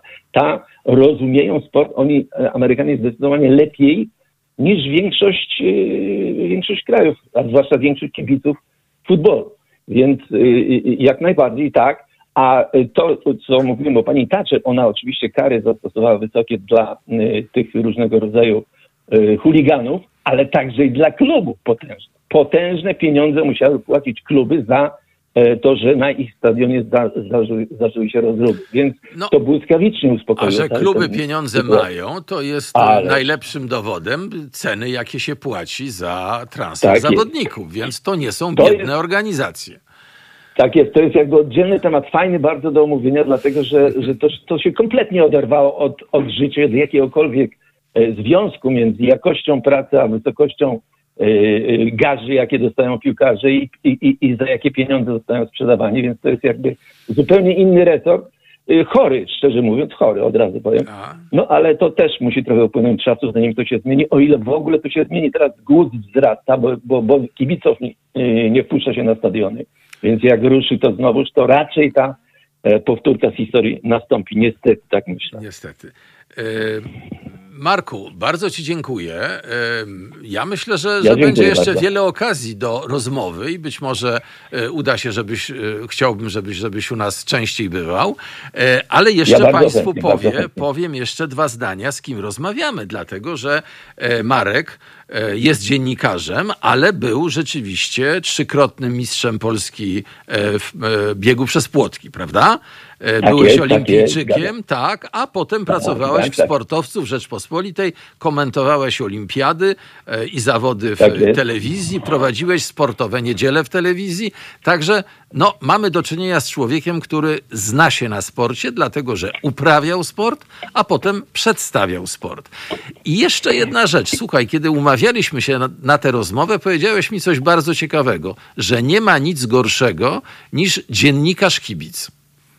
Absolutnie. To jest po prostu dyskwalifikujące zawodowo, dlatego że y, wypala ci te, emo- te emocje związane z O klubem. których z mówiliśmy jakimś- cały czas, Tak, tak? wypala ci pod szare komórki, krótko mówiąc, i przestajesz być obiektywny. I, i, i, i, i, i niechcący albo chcący stawiasz się po stronie tych szowinistów, no, którzy, którzy właśnie potem to, to, to, w ten sposób manifestują na stadionach poprzez różnego rodzaju akty agresji.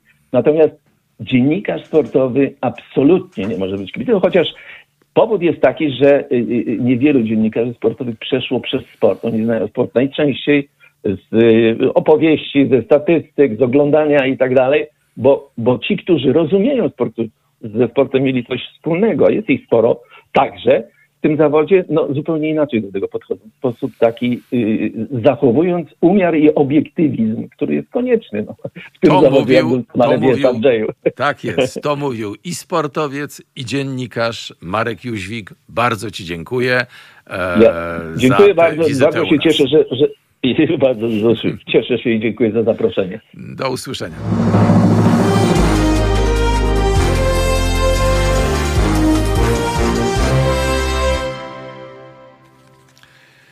Jedenasty listopada, e, godzina 11.36, Halo Radio, Andrzej Krajewski, bardzo mi miło e, być z Państwem tego dnia. Ja wspomniałem wcześniej, że e, rozmawiałem z kimś, kto pamiętał ten 11 listopada.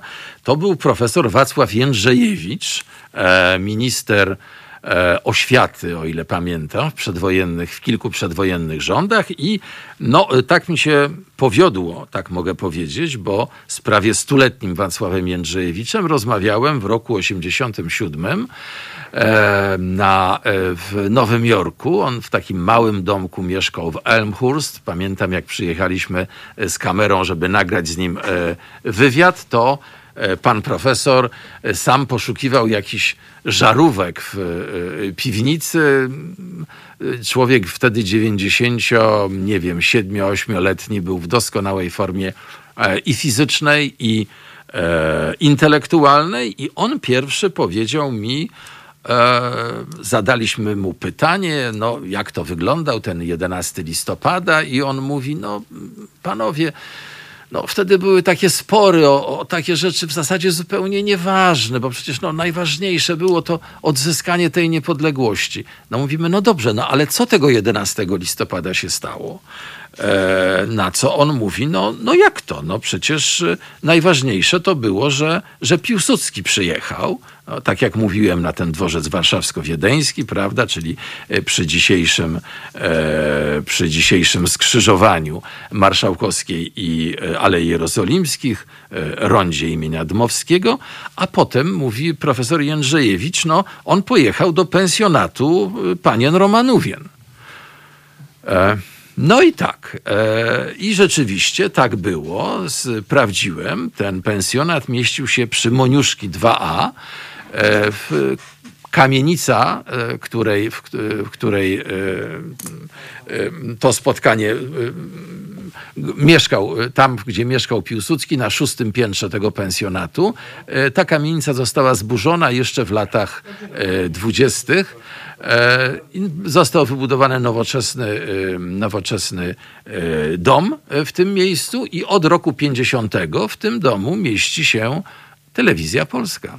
Wiadomości są nadawane z budynku, który stoi w miejscu, w k- którym 18 listopada e, 1918 roku mieszkał Piłsudski i tam przyjmował delegacje, e, stamtąd jechał na Pragę, e, wiele różnych miejsc. E, Opowiem Państwu o tym e, w następnym wejściu, ale w tej chwili mamy już połączenie e, z panem, z historykiem, panem Jerzym Ciurlokiem. To znaczy, ja nie jestem historykiem, od razu prostuję. Ja jestem Bardzo miłośnikiem proszę. historii i popularyzatorem e, historii y, Śląska, tej może nieco To mniej jeszcze lepiej, tej to jeszcze lepiej. Natomiast z zawodu jestem również prezenterem radiowym i dziennikarzem publicystą. Mówię to jeszcze lepiej, dlatego że historycy mają skłonności nieraz do nudzenia. Natomiast jeśli chodzi o dziennikarzy, nudzą jeszcze bardziej albo mówią fantastycznie. I Ale to jest ten drugi przypadek.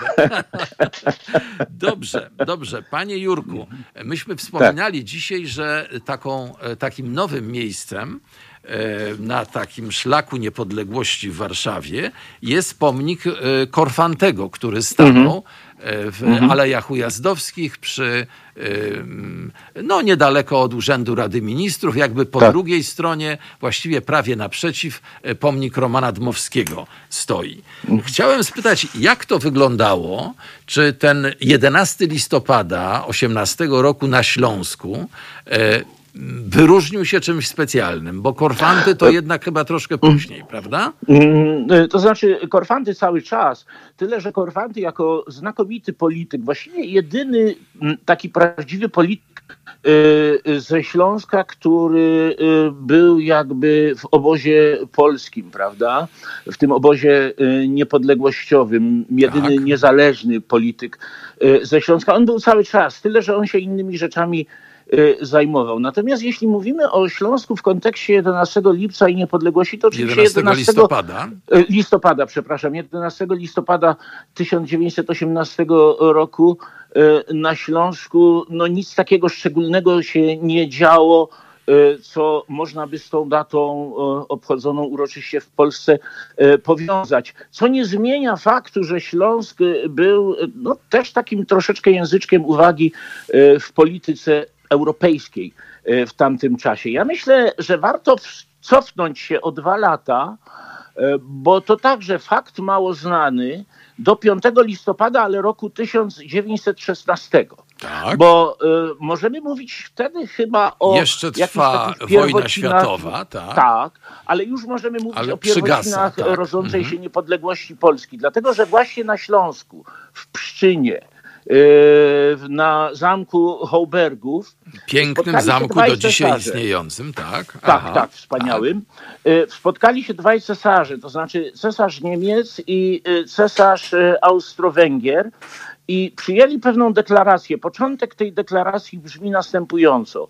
Przejęci niezłomną ufnością w ostateczne zwycięstwo ich broni i życzeniem powodowani, by ziemie polskie przez waleczne ich wojska ciężkimi ofiarami rosyjskiemu panowaniu wydarte do szczęścia przywieść y, w przyszłości, jego cesarska mość, cesarz niemiecki oraz jego cesarska i królewska mość, cesarz Austrii i apostolski król Węgier postanowili z tych ziem utworzyć państwo samodzielne z dziedziczną monarchią i konstytucyjnym ustrojem. Dokładniejsze oznaczenie granic Królestwa Polskiego zastrzega się.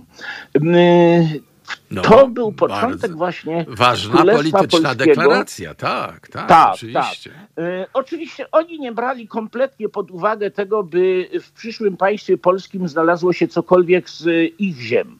To znaczy z, e, z księstwa poznańskiego e, czy z Galicji. Wyraźnie jest ta deklaracja Tak, to- skierowana do Znaczy, damy wam niepodległość na, na, na, na, na rosyjskich ziemiach.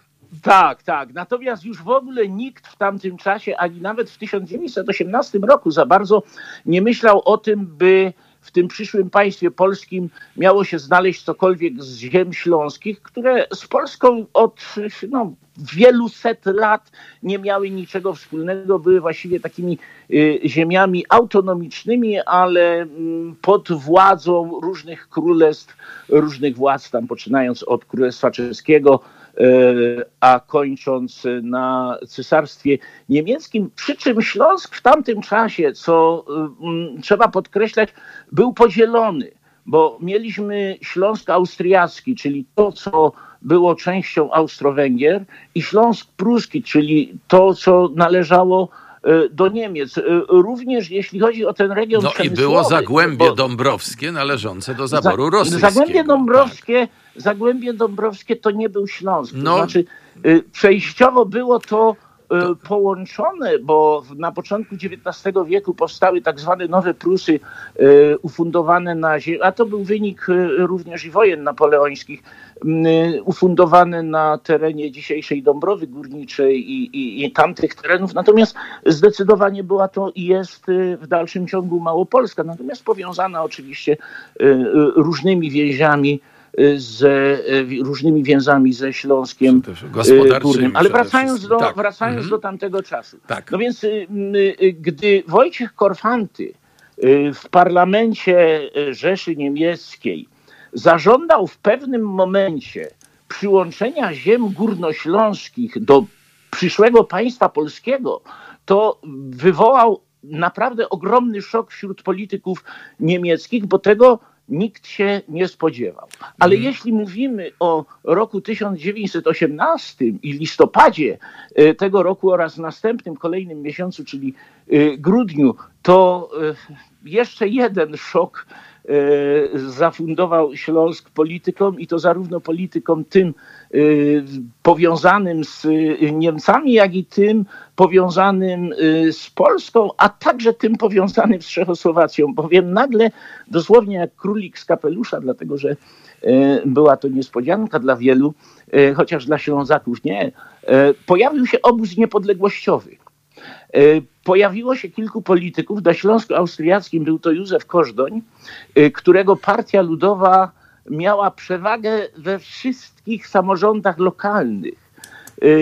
A tutaj na tym Śląsku Pruskim, na przemysłowej części Górnego Śląska, było to kilku działaczy, między innymi bracia Reginkowie. Jeden z nich, Jan, był doktorem geologii, drugi Tomasz był księdzem Ewald Latacz y, z Wodzisławia i Fritz Wassner z Rybnika. Y, I oni 22 listopada 1918 roku y, w Gliwicach zwołali konferencję Rad Górnośląskich.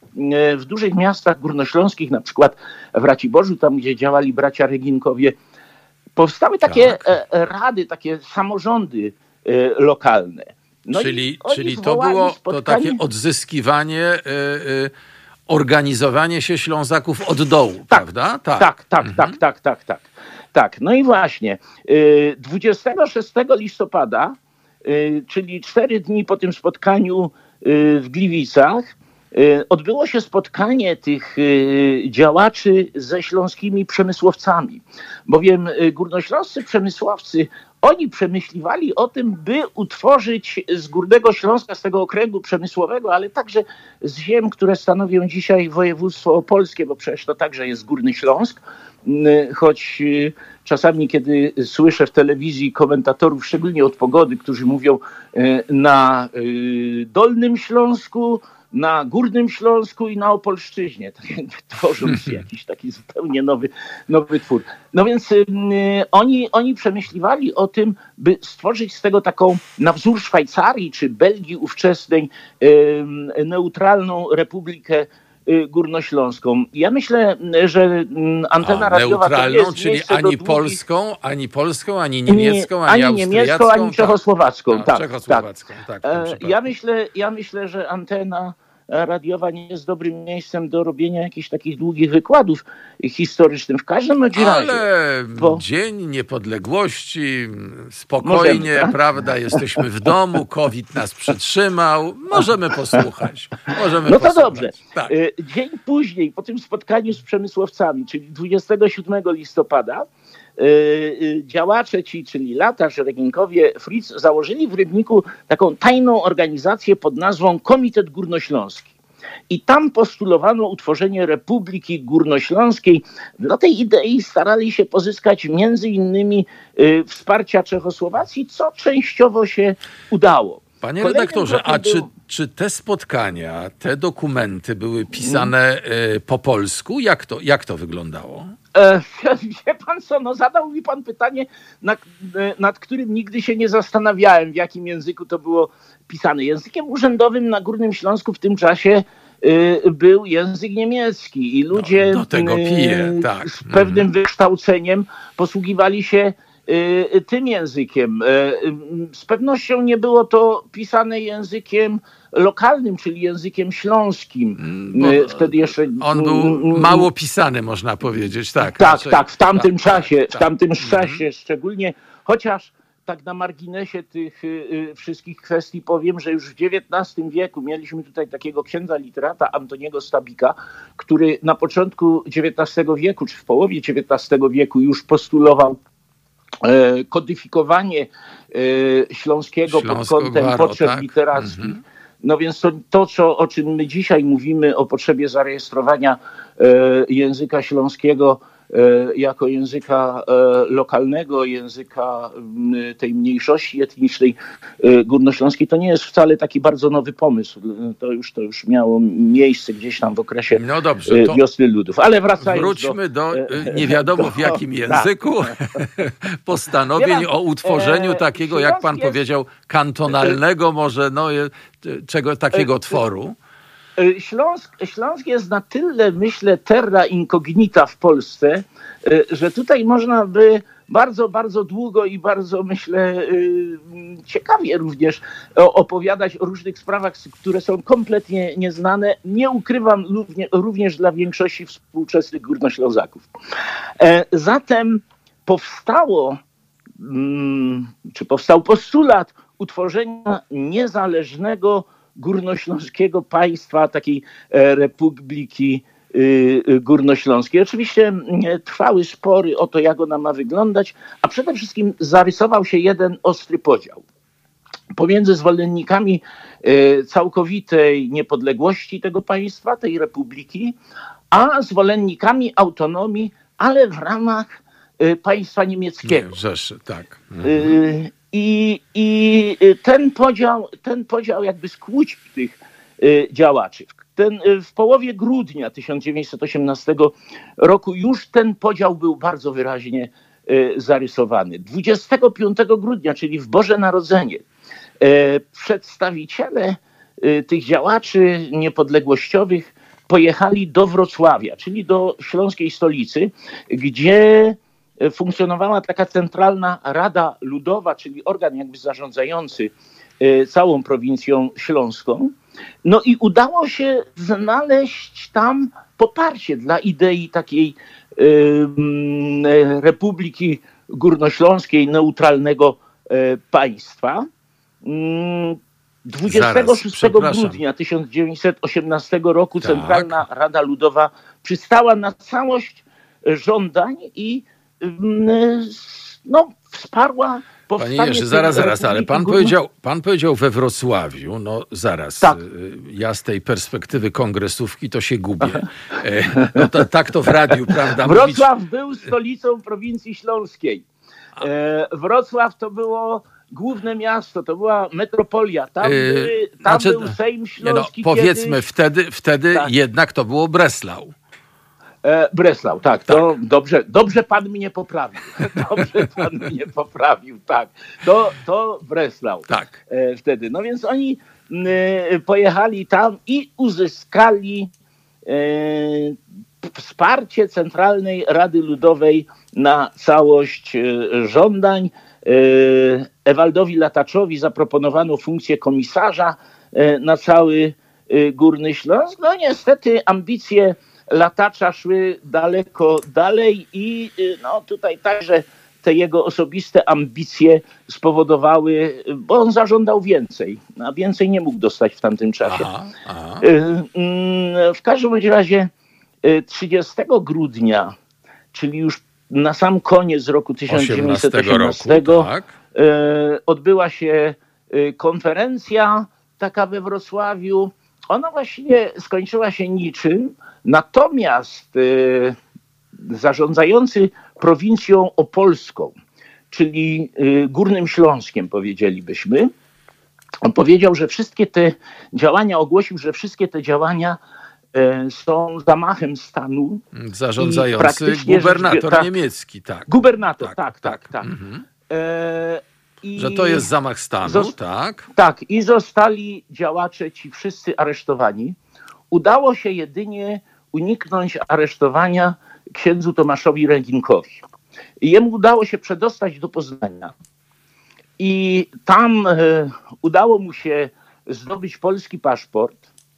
I już z tym polskim paszportem pojechał do Berlina, gdzie spotkał się z Wojciechem Korfantym.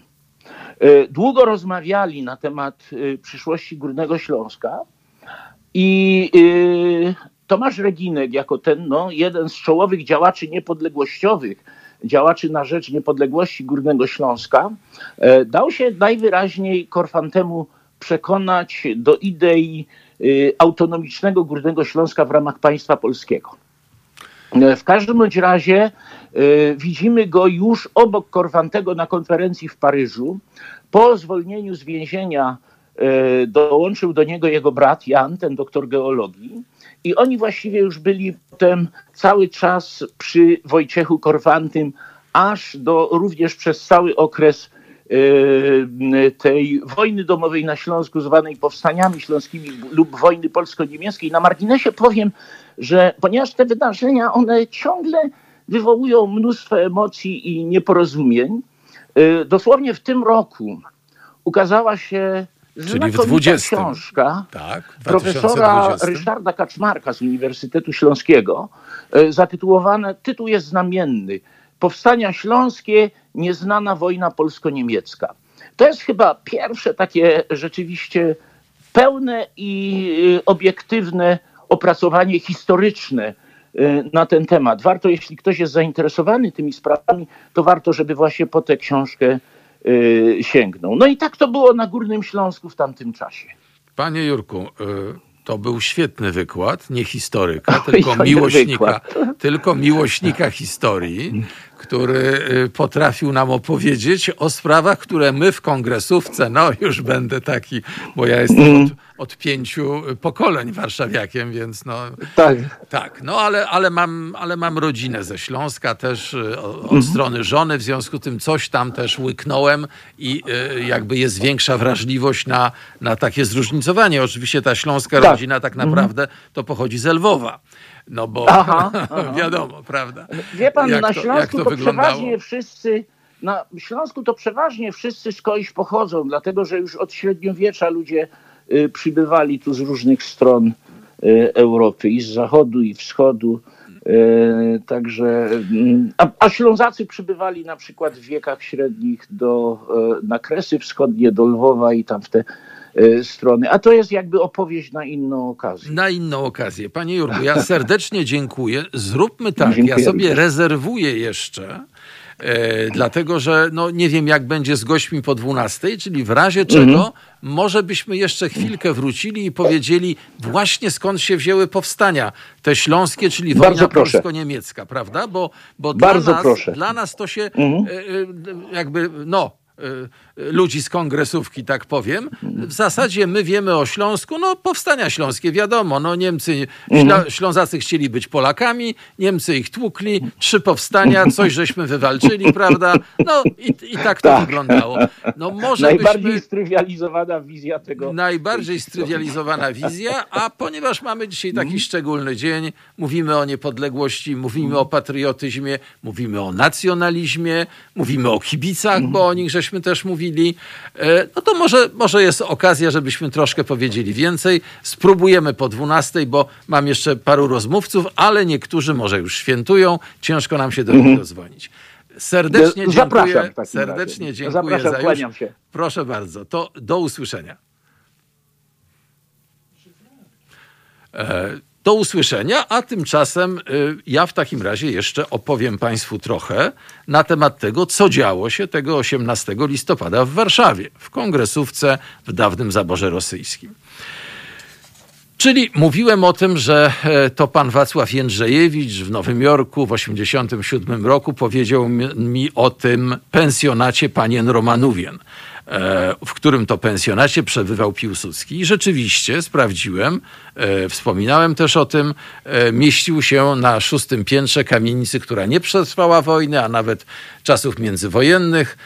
Dziś mieści się tam przy, bo Moniuszki to jest boczna od Placu Powstańców Warszawy, mieści się tam redakcja wiadomości.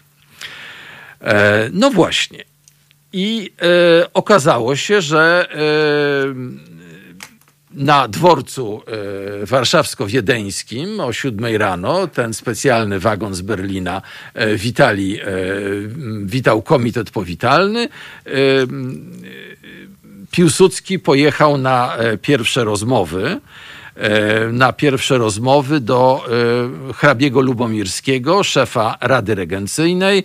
I też takie ciekawe miejsce na mapie Warszawy, Muzeum Ziemi. W Alei Frascati Aleja na Skarpie, tam jest taki e, pałacyk i, i tam właśnie te pierwsze rozmowy. Piłsudski e, zjadł śniadanie z księciem Lubomirskim, odbył pierwsze rozmowy z szefem e, Rady Regencyjnej, a potem pojechał do, do kamienicy Przymoniuszki II. No właśnie. E, I okazało się, że ani Piłsudski, ani Sosnkowski, jego szef sztabu, który razem z nim przebywał, nie mają ze sobą żadnej bielizny poza przyborami toaletowymi. Trzeba było poczynić zakupy. Jakie to były zakupy i gdzie je poczyniono, opowiem Państwu już po 12. Halo Radio. Pierwsze radio z wizją.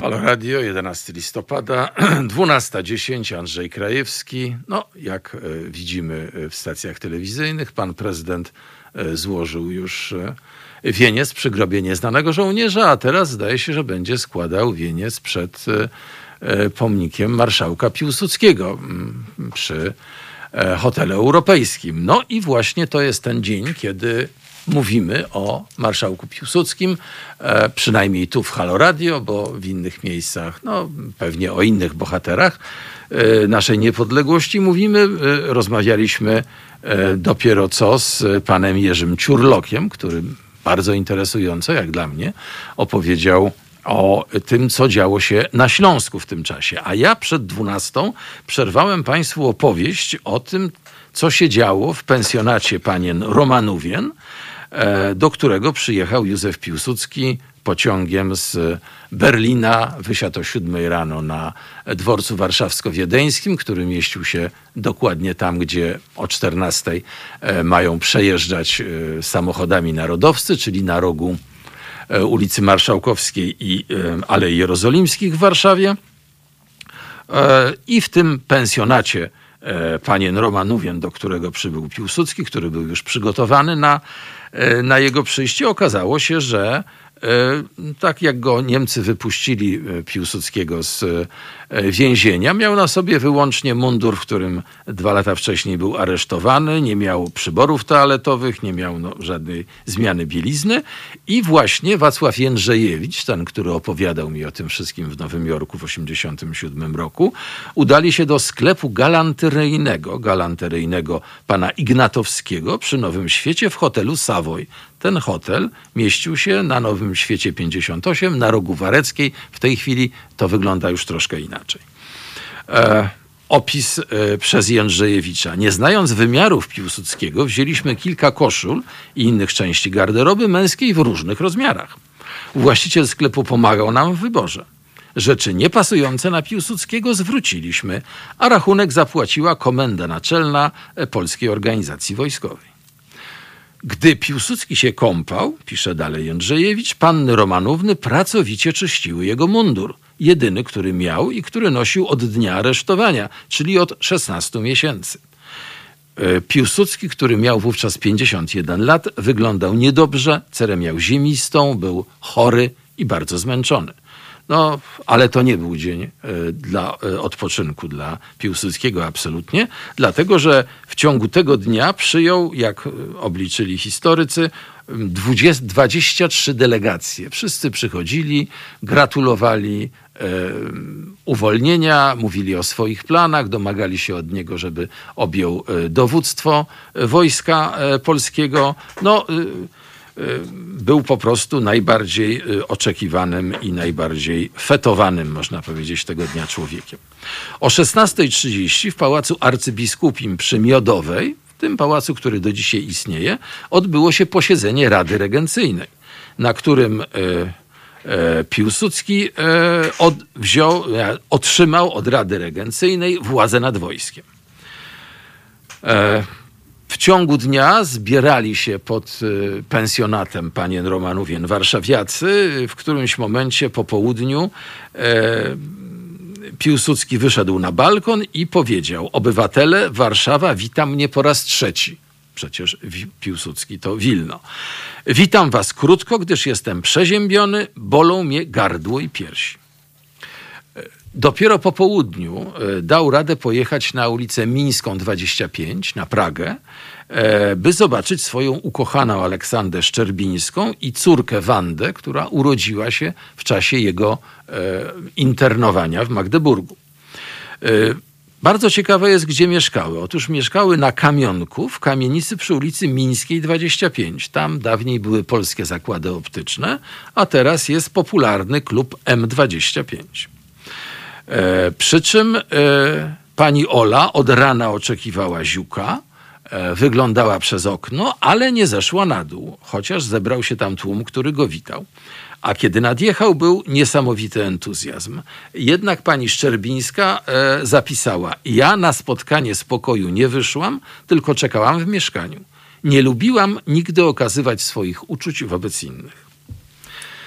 O 20 wieczorem odbyło się pierwsze spotkanie Piłsudskiego z przedstawicielami lewicy. Pamiętacie pewnie Państwo, mówi się o Piłsudskim, że on y, z, był socjalistą, ale wysiadł na przystanku Niepodległość e, z tego pociągu lewicy. I na Szpitalnej 1, czyli bardzo blisko ulicy Moniuszki, mieściła się komenda naczelna Polskiej Organizacji Wojskowej. I Piłsudski mówił, że żyjemy w epoce wielkiej przebudowy społecznej i mamy dotychczas tylko jeden eksperyment eksperyment rosyjski, niezbyt zachęcający. Każdy eksperyment społeczny wymaga aparatury technicznej i kosztuje bardzo dużo. Zaczekajmy, jak te zagadnienia rozwiąże Zachód i weźmy od niego eksperymenty udane, których koszty zapłacą inni.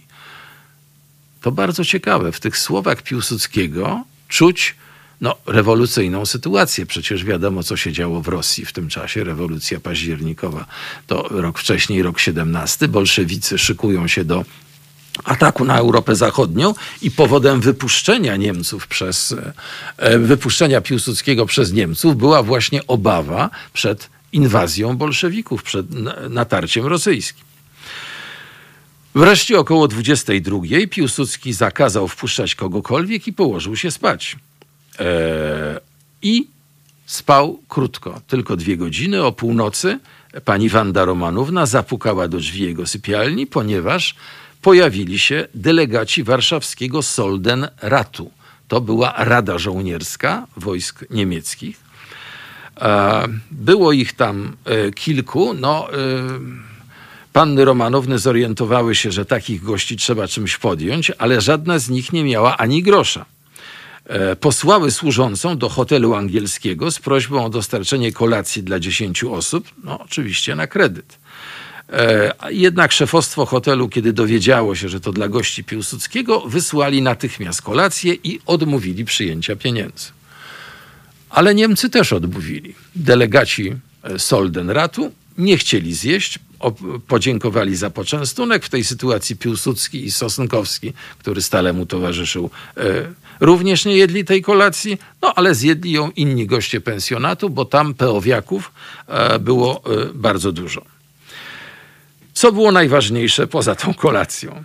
Otóż delegaci Soldenratu zadeklarowali, że uważają Piłsudskiego za żołnierza przyjaciela, który rozumie ich sytuację. Oczekują, że umożliwi im swobodny przejazd do Niemiec mniej więcej 30 tysięcy niemieckich żołnierzy, tych, którzy stacjonowali w Warszawie. E, of, zgodzili się na warunki komendanta, na wydanie lokomotyw, wagonów i sprzętu łączności. Co do wydania broni, odpowiadali, że nie są upoważnieni do podejmowania takiego zobowiązania.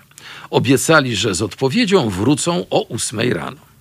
I tak zakończył się dla Piłsudskiego o drugiej w nocy ten e, bardzo ważny dzień, 11 listopada. E, co nastąpiło później, opowiem za chwilę. E, a teraz e, wrócimy do rozmowy Tak? Czy możemy już? Możemy wrócić do rozmowy z naszym. E, mam zostać na antenie, czy wy się miłość... będziecie, czy mam się połączyć tak jak poprzednio? miłośnikiem historii, panem Jerzym Ciurlokiem, który pozostanie na antenie, pozostanie z nami i opowie nam, e, może nie tyle opowie, tylko rozwieje te uproszczenia na temat trzech powstań śląskich. Zapraszam, panie Jerzy, mhm. bardzo proszę. E, kłaniam się ponownie, kłaniam się państwu, kłaniam się e, panu. E, no rzeczywiście to dobre określenie uproszczenia, ale ja nie wiem, czy aż mamy tyle czasu, żeby wszystko rozwiać, bo to jest jednak sporej, sporych rozmiarów książka. Próbujmy w razie czego, w razie czego będę pana to, poganiał. Tak. tak. Spróbujmy, co się da. Przynajmniej o tych y, dwóch pierwszych powstaniach, bo trzecie to już jest, y, to już jest jakby inna historia i, i, i bardzo długa. Przypomnijmy, kiedy to było. Tak. Mhm.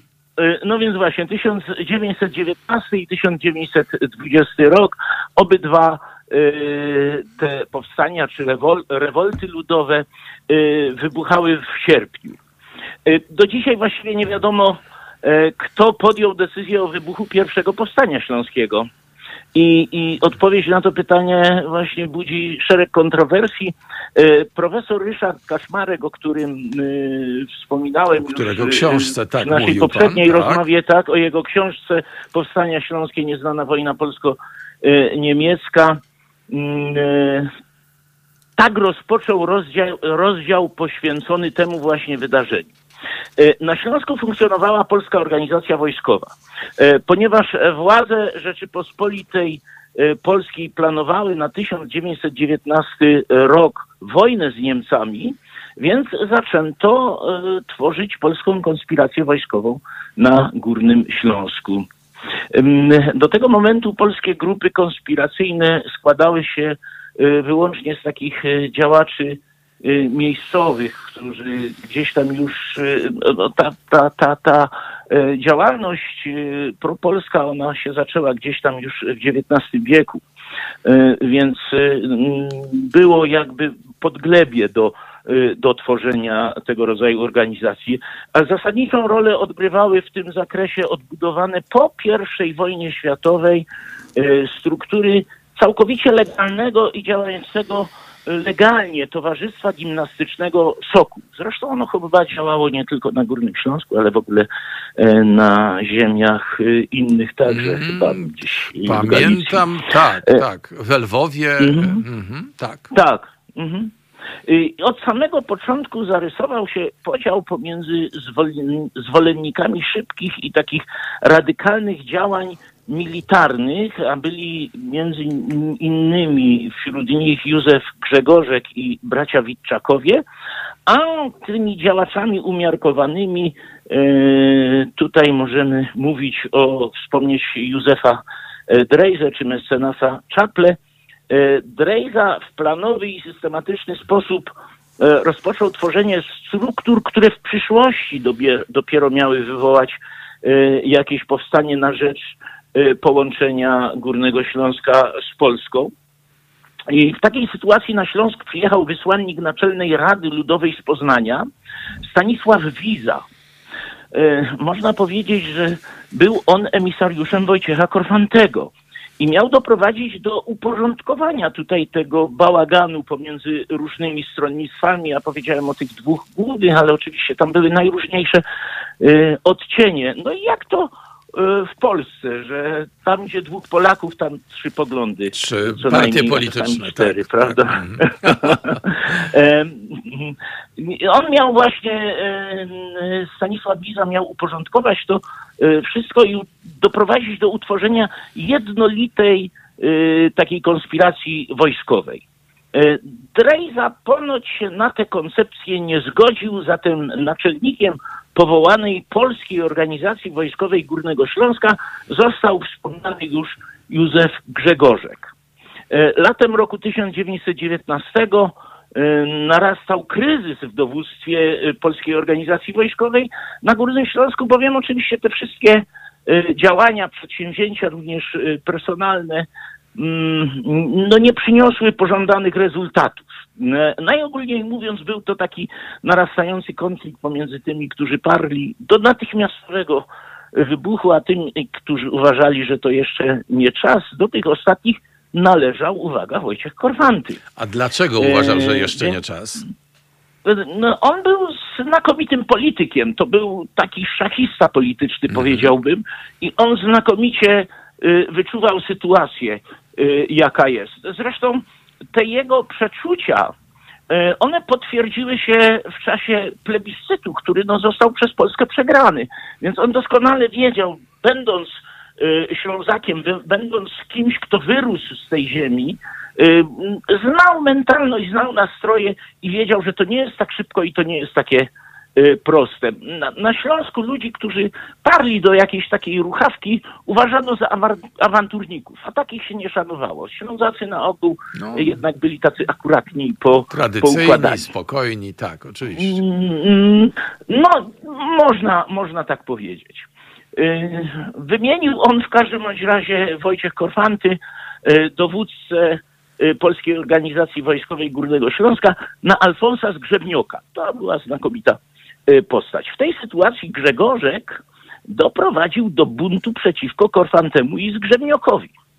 Y, w efekcie podczas narady dowódców struktur terytorialnych, bo Polska Organizacja Wojskowa miała takie struktury terytorialne, powiatowe, miejskie, podjęto decyzję o rozwiązaniu dotychczasowego dowództwa i powołaniu nowego z Grzegorzkiem na powrót na czele.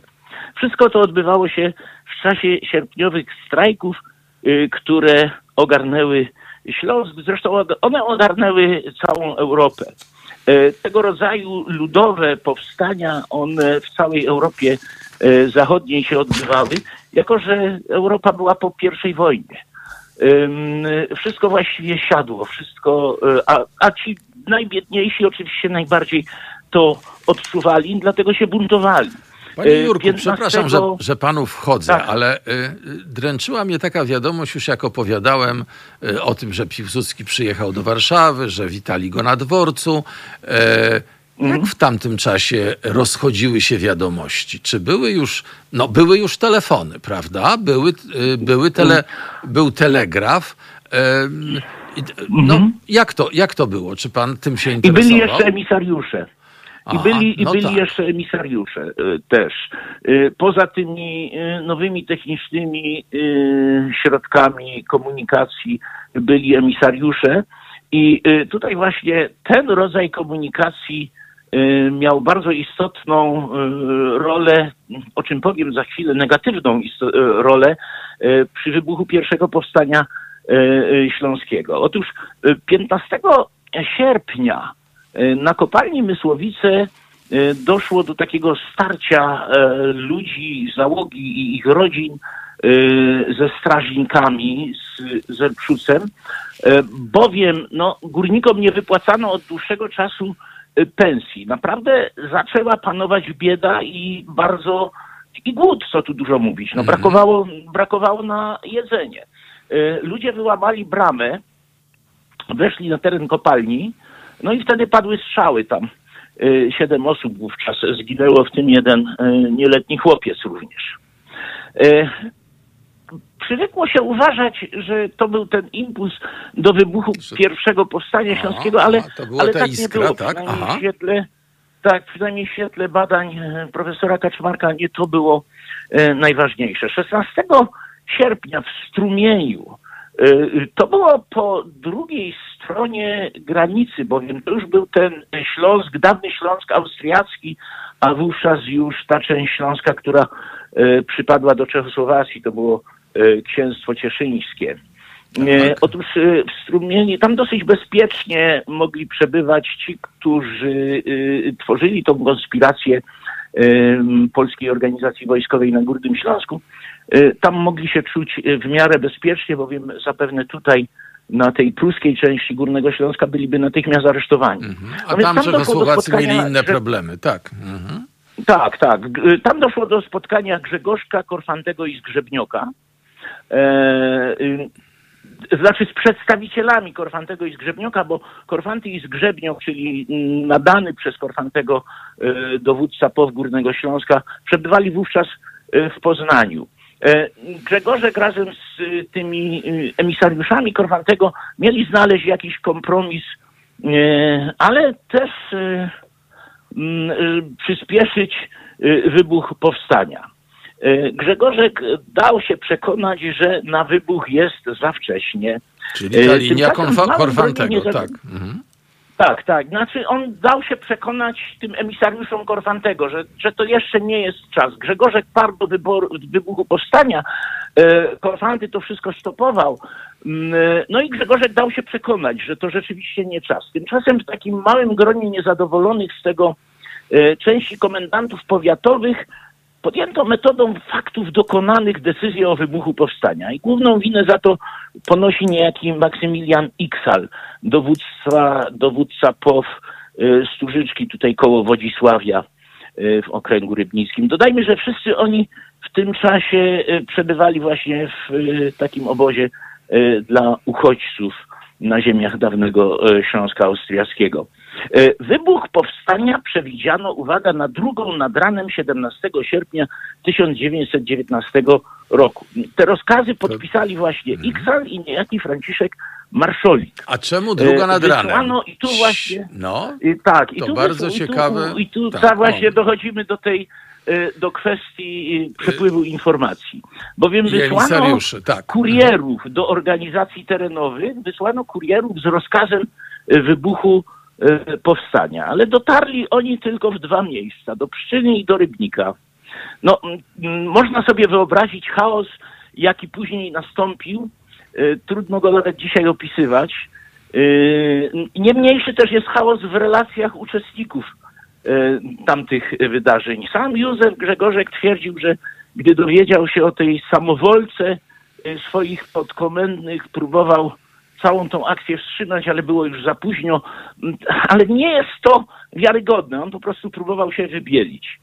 W każdym razie w sytuacji, która groziła całkowitym zniszczeniem z trudem budowanych tych struktur e, konspiracyjnych, dowództwo nad powstaniem Korwany powierzył e, znów Alfonsowi Zgrzebniokowi 24 e, sierpnia, czyli po tygodniu niezwykle krwawych walk te walki odbywały się bez jakiegokolwiek zaplecza, na przykład medycznego, sanitarnego. Y, zatem można sobie wyobrazić z jednej strony dobrze to znaczy... przygotowana y, przygotowany żołnierze. Żołnierze niemieccy, pruscy, tak. A pruscy. z drugiej strony, mhm. no tutaj taka zbieranina, można powiedzieć. No to też byli ludzie po, po bardzo często weterani I wojny światowej, ale, ale źle dowodzeni i bez jakiegokolwiek zaplecza i z niezwykle kiepskim Ile, Jak długo y, trwało to, to, to pierwsze powstanie? Tydzień, tydzień, tylko tydzień, tydzień, tydzień, dobrze. Tydzień, tak. I, i, I w obliczu całkowitej klęski y, powstańców y, z Grzebniok podjął decyzję o zakończeniu działań zbrojnych. No i przyniosły one niestety jedynie dziesiątki zabitych, no i represje władz niemieckich, które usiłowały zlokalizować przywódców i ich powiązania z Polską. Czyli... Polski rząd swoją pomoc do, dla powstańców ograniczył wówczas do interwencji u aliantów, mm, oskarżając Niemców e, o terror wobec ludności no, która, e, bezbronnej. Która to interwencja oczywiście Natomiast... tak, była dyplomatyczna i mm, prawdopodobnie nic nie Józef dała. Józef Piłsudski zalecał zresztą powściągliwość. Zresztą Polska miała inne problemy. Miała problemy. No, miała problemy na wschodzie, oczywiście. Bo... Tak, tak. tak. Mm, mm, Dobrze, panie Jurku, jeszcze. W każdym razie. Tak, tak. Je, bo, bo y, rzeczywiście będziemy nawet w Halo Radio, tak długo jest trudno mm. mówić. E, y, bardzo krótko w takim razie. Y, drugie powstanie śląskie, kiedy? A pytanie, pyta, dlaczego mm. to mhm. były wojny polsko-niemieckie? Bo mm. to jest, to jest najciekawsze. Tak.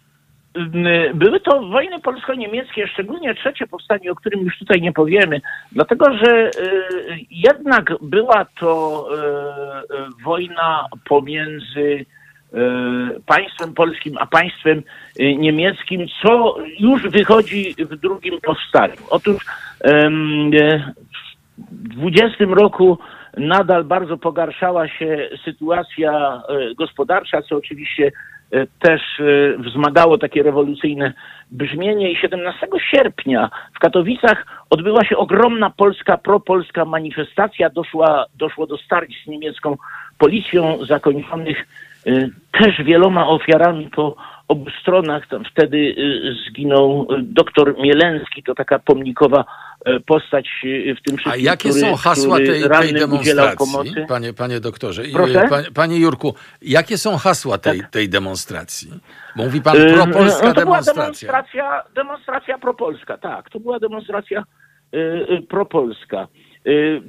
W każdym razie komendant Polskiej Organizacji Wojskowej na Górny Śląsk, na powiat katowicki, Walenty Fojkis, w wyniku tego wszystkiego naciskał do wywołania powstania. Korfanty znów był temu przeciwny, ale ugiął się pod naciskiem komendantów POW, jednakże nie zgodził się na podjęcie działań militarnych, a jedynie na strajk generalny no to nie usatysfakcjonowało tych dowódców y, w terenie, którzy kompletnie nie rozumieli właśnie tej gry Korfantego. Y, Korfanty prowadził naprawdę niezwykle y, subtelną grę polityczną, jeśli na to spojrzeć z dzisiejszego punktu widzenia.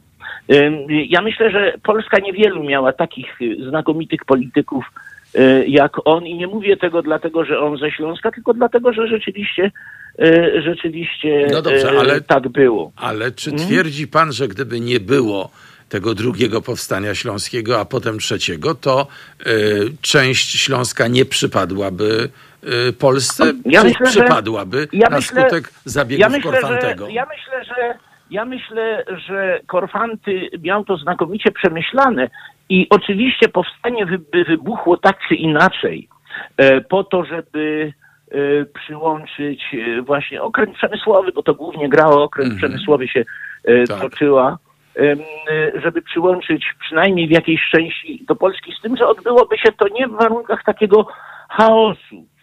Tutaj też nie bez znaczenia była troska Korfantego o, o, o, o życie swoich ziomków górnoślązaków. On widział, co się stało w wyniku tego nieprzemyślanego kroku zwanego pierwszym powstaniem śląskim, jakie to przyniosło ofiary i żadnego efektu. W każdym razie w przededniu wybuchu tego drugiego powstania na Śląsk przybył wysłannik Piłsudskiego. No tu już się sytuacja polityczna zaczyna zmieniać, prawda? Y, był to Michał Grażyński, to znaczy tak naprawdę on się nazywał Kurzydło, Grażyński to był jego pseudonim i on potem, był, potem był wojewodą śląskim, tak. Mhm. Tak, tak, tak. On kompletnie nie rozumiał tych wszystkich uwarunkowań, a przede wszystkim nie rozumiał, dlaczego Korfanty jest tak wściekły na e, przebywających wówczas w Sosnowcu e, dowódców Polskiej Organizacji Wojskowej, którzy zmusili go do ogłoszenia tego drugiego powstania. Y, to był taki pierwszy, oni potem byli cały czas skonfliktowani, co się skończyło, y, no to już też inna historia, właściwie śmiercią Gorwantego doprowadziło to wszystko do śmierci, do jego emigracji do Czechosłowacji na pewien czas, do, do, do uwięzienia w Brześciu i w końcu do śmierci. To był pierwszy, nie, ale nie ostatni konflikt z Grażyńskim i on się dla Grażyńskiego zakończył dotkliwą porażką i odsunięciem go od jakichkolwiek e, decyzji militarnych, czego nigdy Korfantemu nie zapomniał, on po prostu był takim kronikarzem e, tego powstania i do tego sprowadzała się jego rola, że miał tylko zapisywać, co się dzieje. Tymczasem Korfanty w obliczu groźby buntów w dowództwie POW ogłosił się dyktatorem powstania. Tam była tak napięta sytuacja, że jego chciano uwięzić. Zresztą później w trzecim powstaniu coś podobnego się stało, bo e, właśnie w, grupie powstańców, e, w której był między innymi właśnie Grażyński, doszło do buntu i uwięzienia. Oni chcieli nawet rozstrzelać e, Korfantego w tym trzecim. No to się wszystko, ale to jest na trzecie, inna opowieść. Na trzecie, no. tak, na trzecie już nie mamy czasu. Mhm. Natomiast wróćmy jeszcze do tego drugiego powstania. Tak, jak ono się zakończyło. Tak. Po, tak, prawie rok po y, pierwszym Pierwsze, powstaniu tak. y, wybuchło to drugie 18 sierpnia 20 roku, tym razem w sposób uporządkowany na rozkaz y, Korfantego, mimo że jakby wbrew jego woli.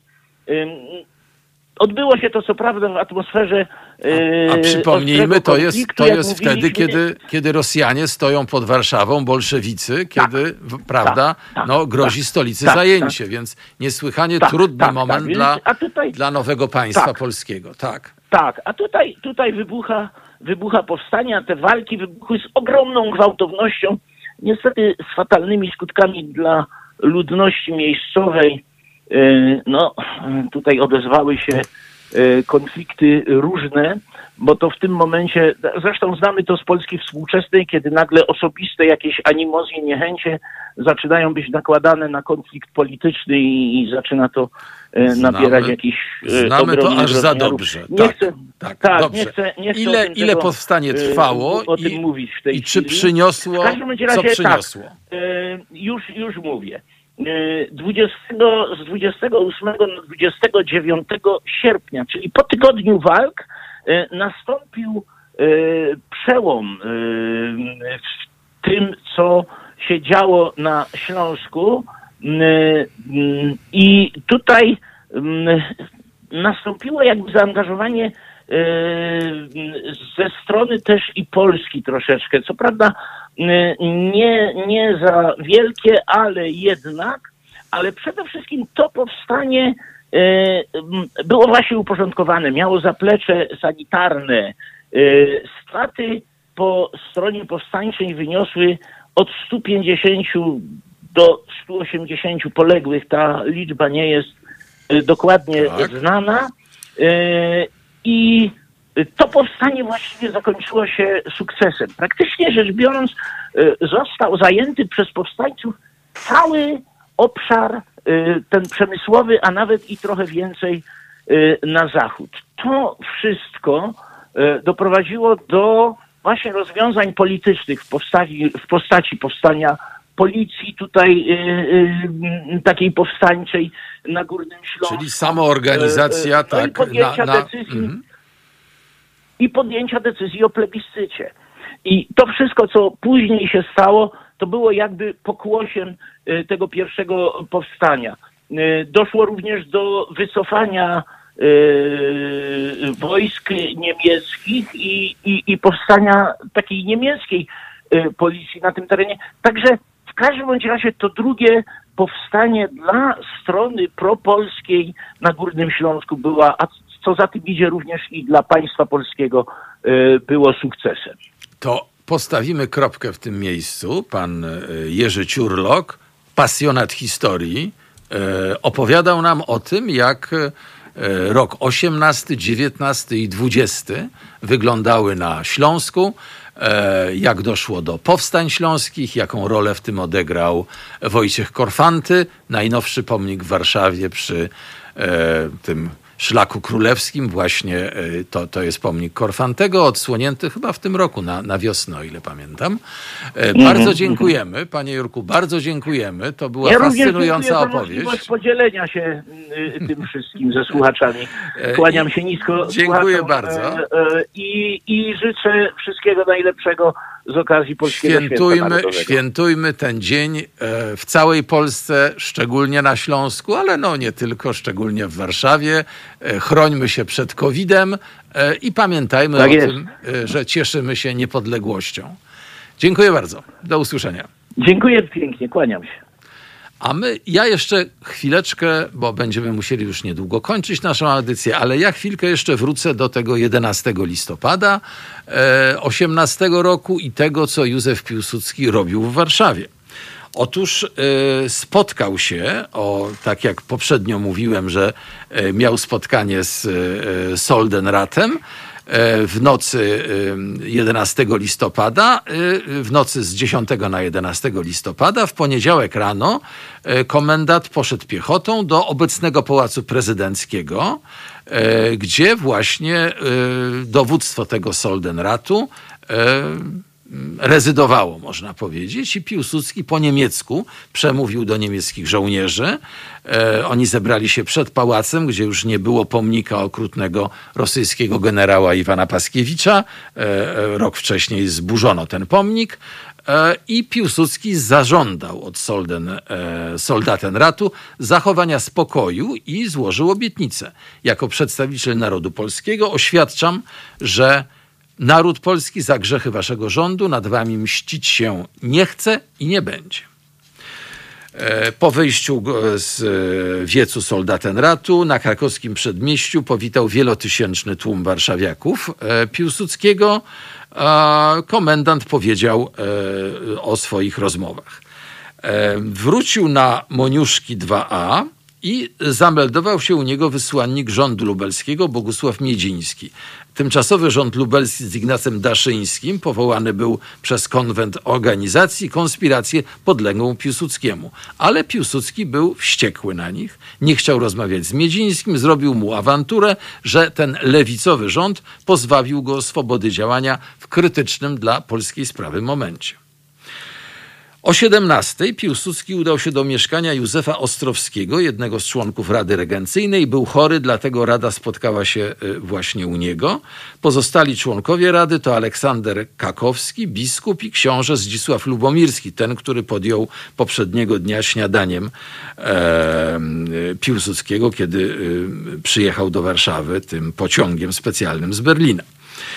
E, długa dyskusja z Piłsudskim zakończyła się deklaracją. Rada przekazuje Piłsudskiemu pełnię władzy wojskowej a naczelne, e, i naczelne dowództwo nad powstającą armią i wzywa go, by utworzył rząd narodowy. E, odpowiedni dekret został ogłoszony przez członków Rady Regencyjnej. Piłsudski wraca do pensjonatu panien Romanówien, a na te placu teatralnym rozpoczyna się regularna bitwa między oddziałem polskim a silnym oddziałem niemieckim strzegącym prezydium niemieckiej policji. Terkot karabinów maszynowych i granatów nie pozwala warszawiakom zasnąć aż do świtu, ale Piłsudski śpi jak zabity.